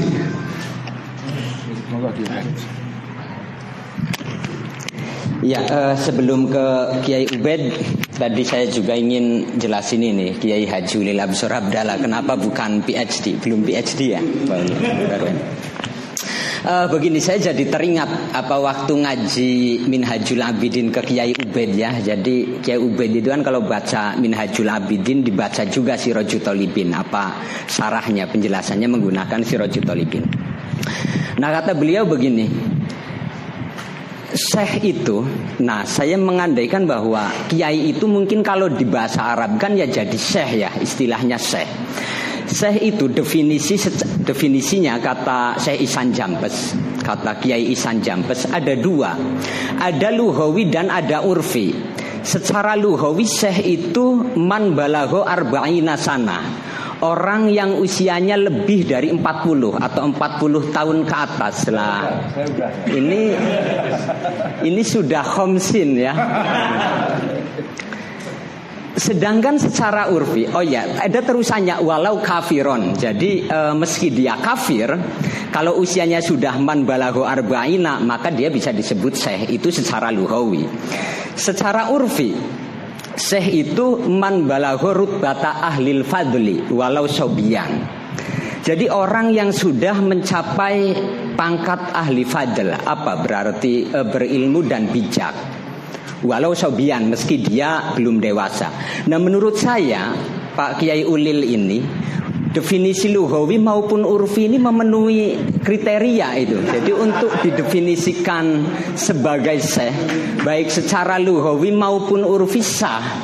Jadi tidak ada persoalan. Memang ada tradisi di lingkungan NU eh, di di Jawa Timur juga di Jawa Tengah. Kiai-kiai itu enggan menulis kiai di depan namanya itu kalau mengundang buat undangan atau surat itu nggak dicatat kiai nggak? Tapi kalau haji dicatat. Suatu suatu ketika teman saya pernah tanya apa mencetak undangan? Terus ada kiainya anaknya nikahan terus protes ini kayaknya dihapus undangan cetak ulang. Tapi kalau hanya biarin.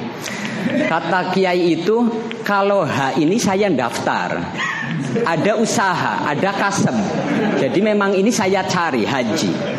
Tapi kalau kiai ini saya tidak mencari. Artinya apa? Bahwa persoalan kiai ini panggilan dari masyarakat yang menurut saya dan teman-teman uh, Pak Kiai Ulil dan Mbah Bed ini sudah memenuhi kriteria itu kiai secara luhawi maupun kiai secara urfi. Jadi senang nggak senang ya Pak Kiai Ulil harus menerima itu eh, apa gelar-gelar kampus mungkin karena kita mencari bisa ditambahkan ya. Sebenarnya ini juga ada gelar kampusnya juga, tapi memang karena tidak suka pangkat sedang menjauhi dunia jadi keduanya dihilangkan. Jadi saya kira uh, persoalan gelar kiai ini keduanya memenuhi. Jadi iza uteliko apa asyaihon fi hadzal makom fal muradu bihi atau kiai ulil absor abdallah dan kiai Ubaidullah Sodakoh. Tepuk tangan dong. Itu uh, satu lagi sebenarnya ingin bahas Gus. Gus itu kan menasional itu masa Gus Dur ya. Jawa Tengah itu ya Mas Kang Kiai Said Akil Kang Said, Kiai Husen Kang Husen, tapi itu panjang lain kali. Uh, ke Kiai Ubed ini Kiai Ubed tadi sempat menyinggung Ibnu Arabi. Saya uh, kalau soal ke Kiai Ubed selalu ditunjukkan sebagian perpusnya nggak keseluruhan. Beliau itu mengkoleksi karya-karyanya Ibnu Arabi. Jadi Ibnu Arabi itu karya-karyanya beliau punya semua.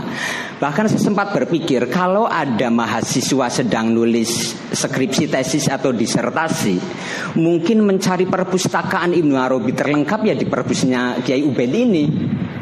Uh, dibanding ini ada dosen Unwahas supaya apa, supaya melengkapi perpusnya ini Pak Teddy Holiludin ini uh, dosen Unwahas. Ini Pak apa Mbah Yai Ubed e, mungkin bisa menjelaskan tadi lebih detail lagi genealogi apa genealogi Ibnul Arabi ke Al Ghazali. Jadi menarik bagi Kiai Ubed Ibnul Arabi ini sanad keilmuannya atau genealogi pemikirannya sampai ke Al Ghazali. Nah Al Ghazali ini sebagai salah satu tokoh yang dalam NU dijadikan sebagai mazhab dalam bertasawuf selain Junaid al-Baghdadi. Saya baru saja tadi apa uh, ngobrol sama teman-teman kenapa NU menjadikan Al-Ghazali ini sebagai mazhab tidak ulama-ulama sebelum Al-Ghazali. Para kritikus Al-Ghazali banyak menyampaikan bahwa Ihya Ulumuddin seumpama ini tidak lebih dari uh, apa ya mungkin kalau bahasa sekarangnya plagiat ya dari Al-Maki juga apa Asibli juga ada uh, Junaid dan dan lain-lain Junaid Al-Baghdadi. Nah, ini, ini mungkin Kiai Ubed bisa menjelaskan soal ini.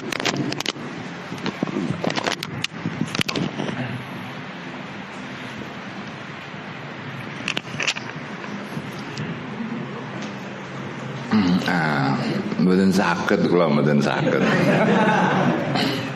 Kula namung untuk mengisi waktu longgar saja dan menghilangkan kepenatan khidmat di Jamiah Nahdlatul Ulama ini. Bahasul Masail kok fikih terus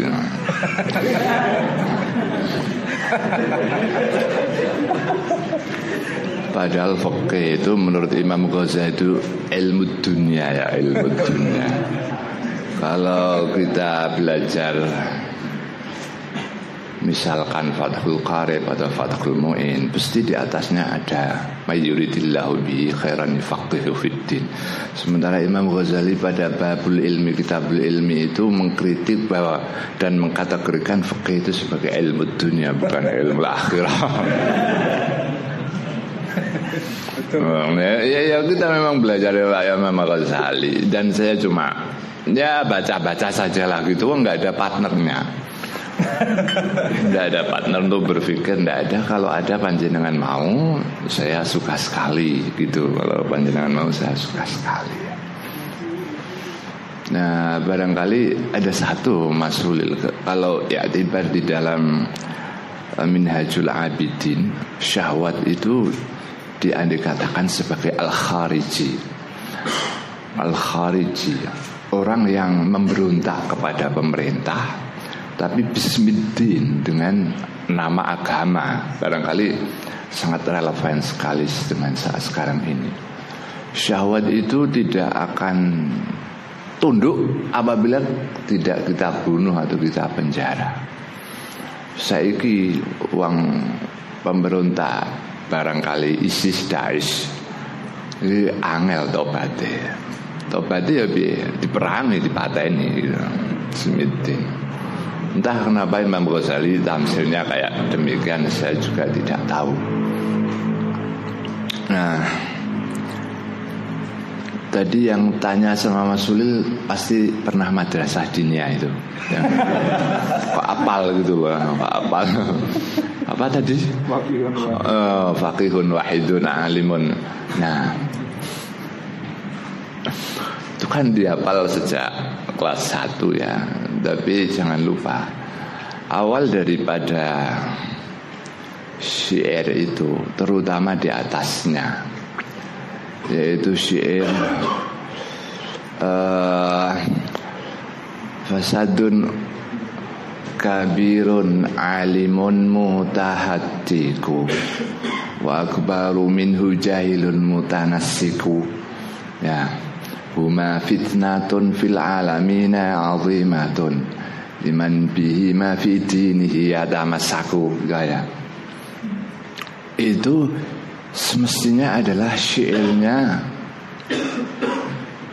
Abul Qasim Al-Junaidi Imam Junaid. Nah, Imam Junaid.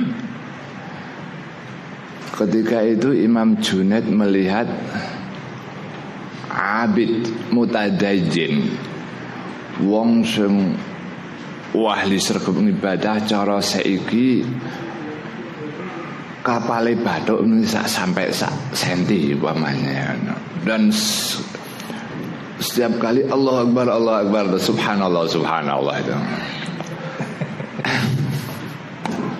Tapi baru belajar agama dua bulan yang lalu. Dan dari internet. Toh tidak dari Mas Ulil. Nah ini terus Imam Junaid kagum dengan itu tapi dasar Imam Junaid. Kok dasar Imam Junaid? Imam Junaid bertanya kepada dia Coba ini apa betul-betul Benar tidak ibadahnya? Lantas dia bertanya kepada orang tersebut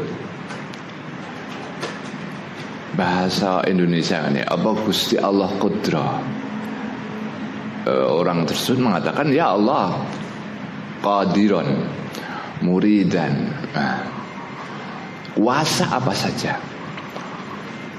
Kalau Allah kuasa apakah Allah bisa membunuh dirinya sendiri? Gitu.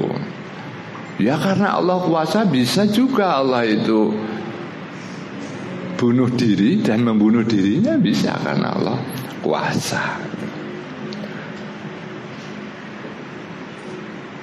Barangkali logikanya demikian barangkali. Jadi dia mengatakan bahwa Allah bisa membunuh dirinya. Padahal di dalam usul kita, di dalam akidah kita bahwa kudrah Allah itu tidak ta'aluk dengan sesuatu yang mustahil. Allah membunuh dirinya sendiri itu sesuatu yang mustahil. Oleh karena itu ketika ditanya orang tersebut mengatakan Allah bisa membunuh dirinya sendiri itu sudah merupakan cacat tauhid, cacat akidah. Sebab menurut akidah kita terutama Syahabul Qasim Al-Junaidi bahwa kudrah Allah itu tidak taluk dengan sesuatu yang mustahil. Lah nak cacat akidahnya mbak ya salat kaya ngopo, ibadah kaya ngopo ya ora ditampa karo Gusti Allah. Anda bisa menyebut Allah. Orang-orang Palestina yang non muslim juga Allah Akbar. Tapi aja-aja Gusti Allah sing kok sembah karo sing tak sembah beda. Nah gitu. Artinya apa? Oleh karena itu dalam akidah Ahlussunnah wal Jamaah sudah dipatrep ngene. Iki lho akidah sing suheh menurut Kanjeng Nabi yo iki yang dirumuskan oleh Imam Abil Hasan al Ashari dan Imam Abu Mansur al Maturidi. Barangkali ada yang sedikit radikal dari Imam Abil Hasan al Ashari. Ada 13 perbedaan antara Abu Hasan al Ashari dan Abu Mansur al Maturidi. Dan perbedaan itu justru ketika Imam Abu Hasan al Ashari itu mengatakan bahwa kemungkinan Nabi juga bisa diangkat dari kelompok perempuan. Nah, oleh karena itu aktivis gender ini kalau mengikuti pemahaman kalam al Ashari mungkin ada nabi perempuan mungkin Nah itu jadi uh, itu oleh karena itu mari kita terus ngaji terus ngaji kayak apa pun. Nah kalau panjenengan bertanya sanat yang tidak jelas maka Mas Ulil ini sanatnya jelas. Sanatnya jelas ya. Baik menjadil ab maupun menjadil om atau menjadil masyayikh itu sudah jelas. Saya sudah ngira dulu Mas Ulil itu kuat kayak demikian ini berapa tahun sudah saya kira dan dia hanya untuk menunda usia tua saja. Coba beliau dulu langsung dijadikan pengurus wilayah Suriah atau atau jadi pengurus PP. Rambutnya sudah memutih semuanya kayak saya. Ya demikianlah sekali lagi terima kasih mari terus kaji terus barangkali. Kalau Mas Ulil kundur ke Pati atau kundur ke Rembang cegat saja. Ya dicegat saja bisa mampir di sini. Nanti teman-teman dikumpulkan. Di pondok saya juga boleh. Kalau di sini tidak ada yang memberikan jajan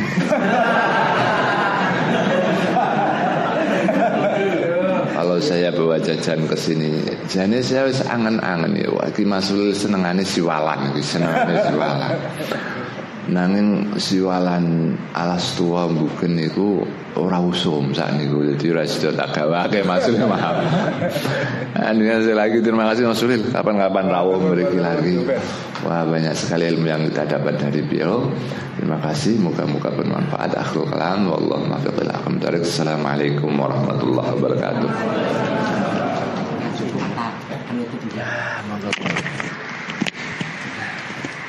Uh, saya juga menyampaikan terima kasih kepada Ki Ubed yang menjadi sohibul bait untuk acara pada malam hari ini.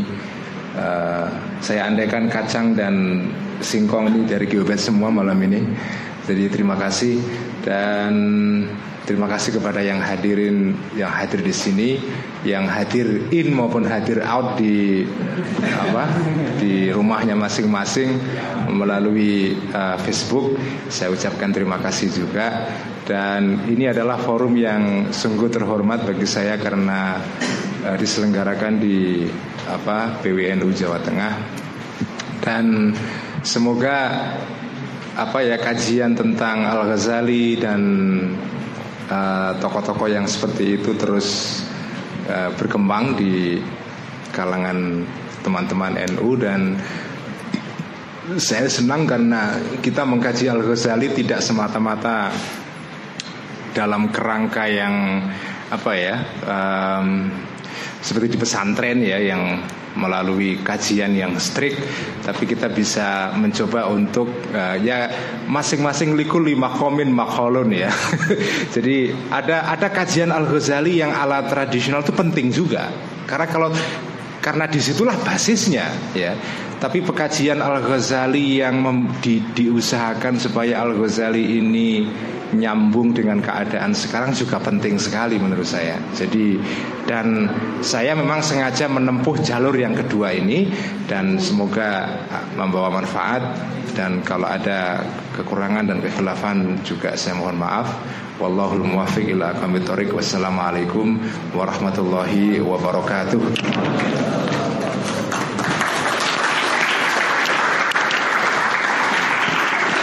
Hadirin hadirat sekalian, uh, meski kita sebenarnya ingin terus berdiskusi ya, tapi apa Ihya Ulumuddin yang dibaca juga sedikit sekali tapi meski seperti itu kita bisa merasakan kedahsatan Ihya. Tadi Kiai Ubed sampai menyampaikan rawuh ke sini itu e, tidak semata-mata takzim kepada Kiai Ulil tapi juga takzim kepada kitab Ihya Ulumuddin. Karena itu e, kertas Ihya yang dibagikan nanti jangan ditinggal, harus dibawa pulang. Dijadikan jimat karena seperti kata Kiai Ulil rumah yang tidak ada ihya'nya itu nggak berkah. Kantor kalau belum ada kopdar ihya itu nggak berkah. Jadi ini berkah ini. Karena itu mudah-mudahan nanti uh, bulan-bulan berikutnya kita bisa mengadakan acara serupa agar bertambah berkah. Uh, terima kasih sahabat-sahabat sekalian. Wallahul muwaffiq Assalamualaikum warahmatullahi wabarakatuh.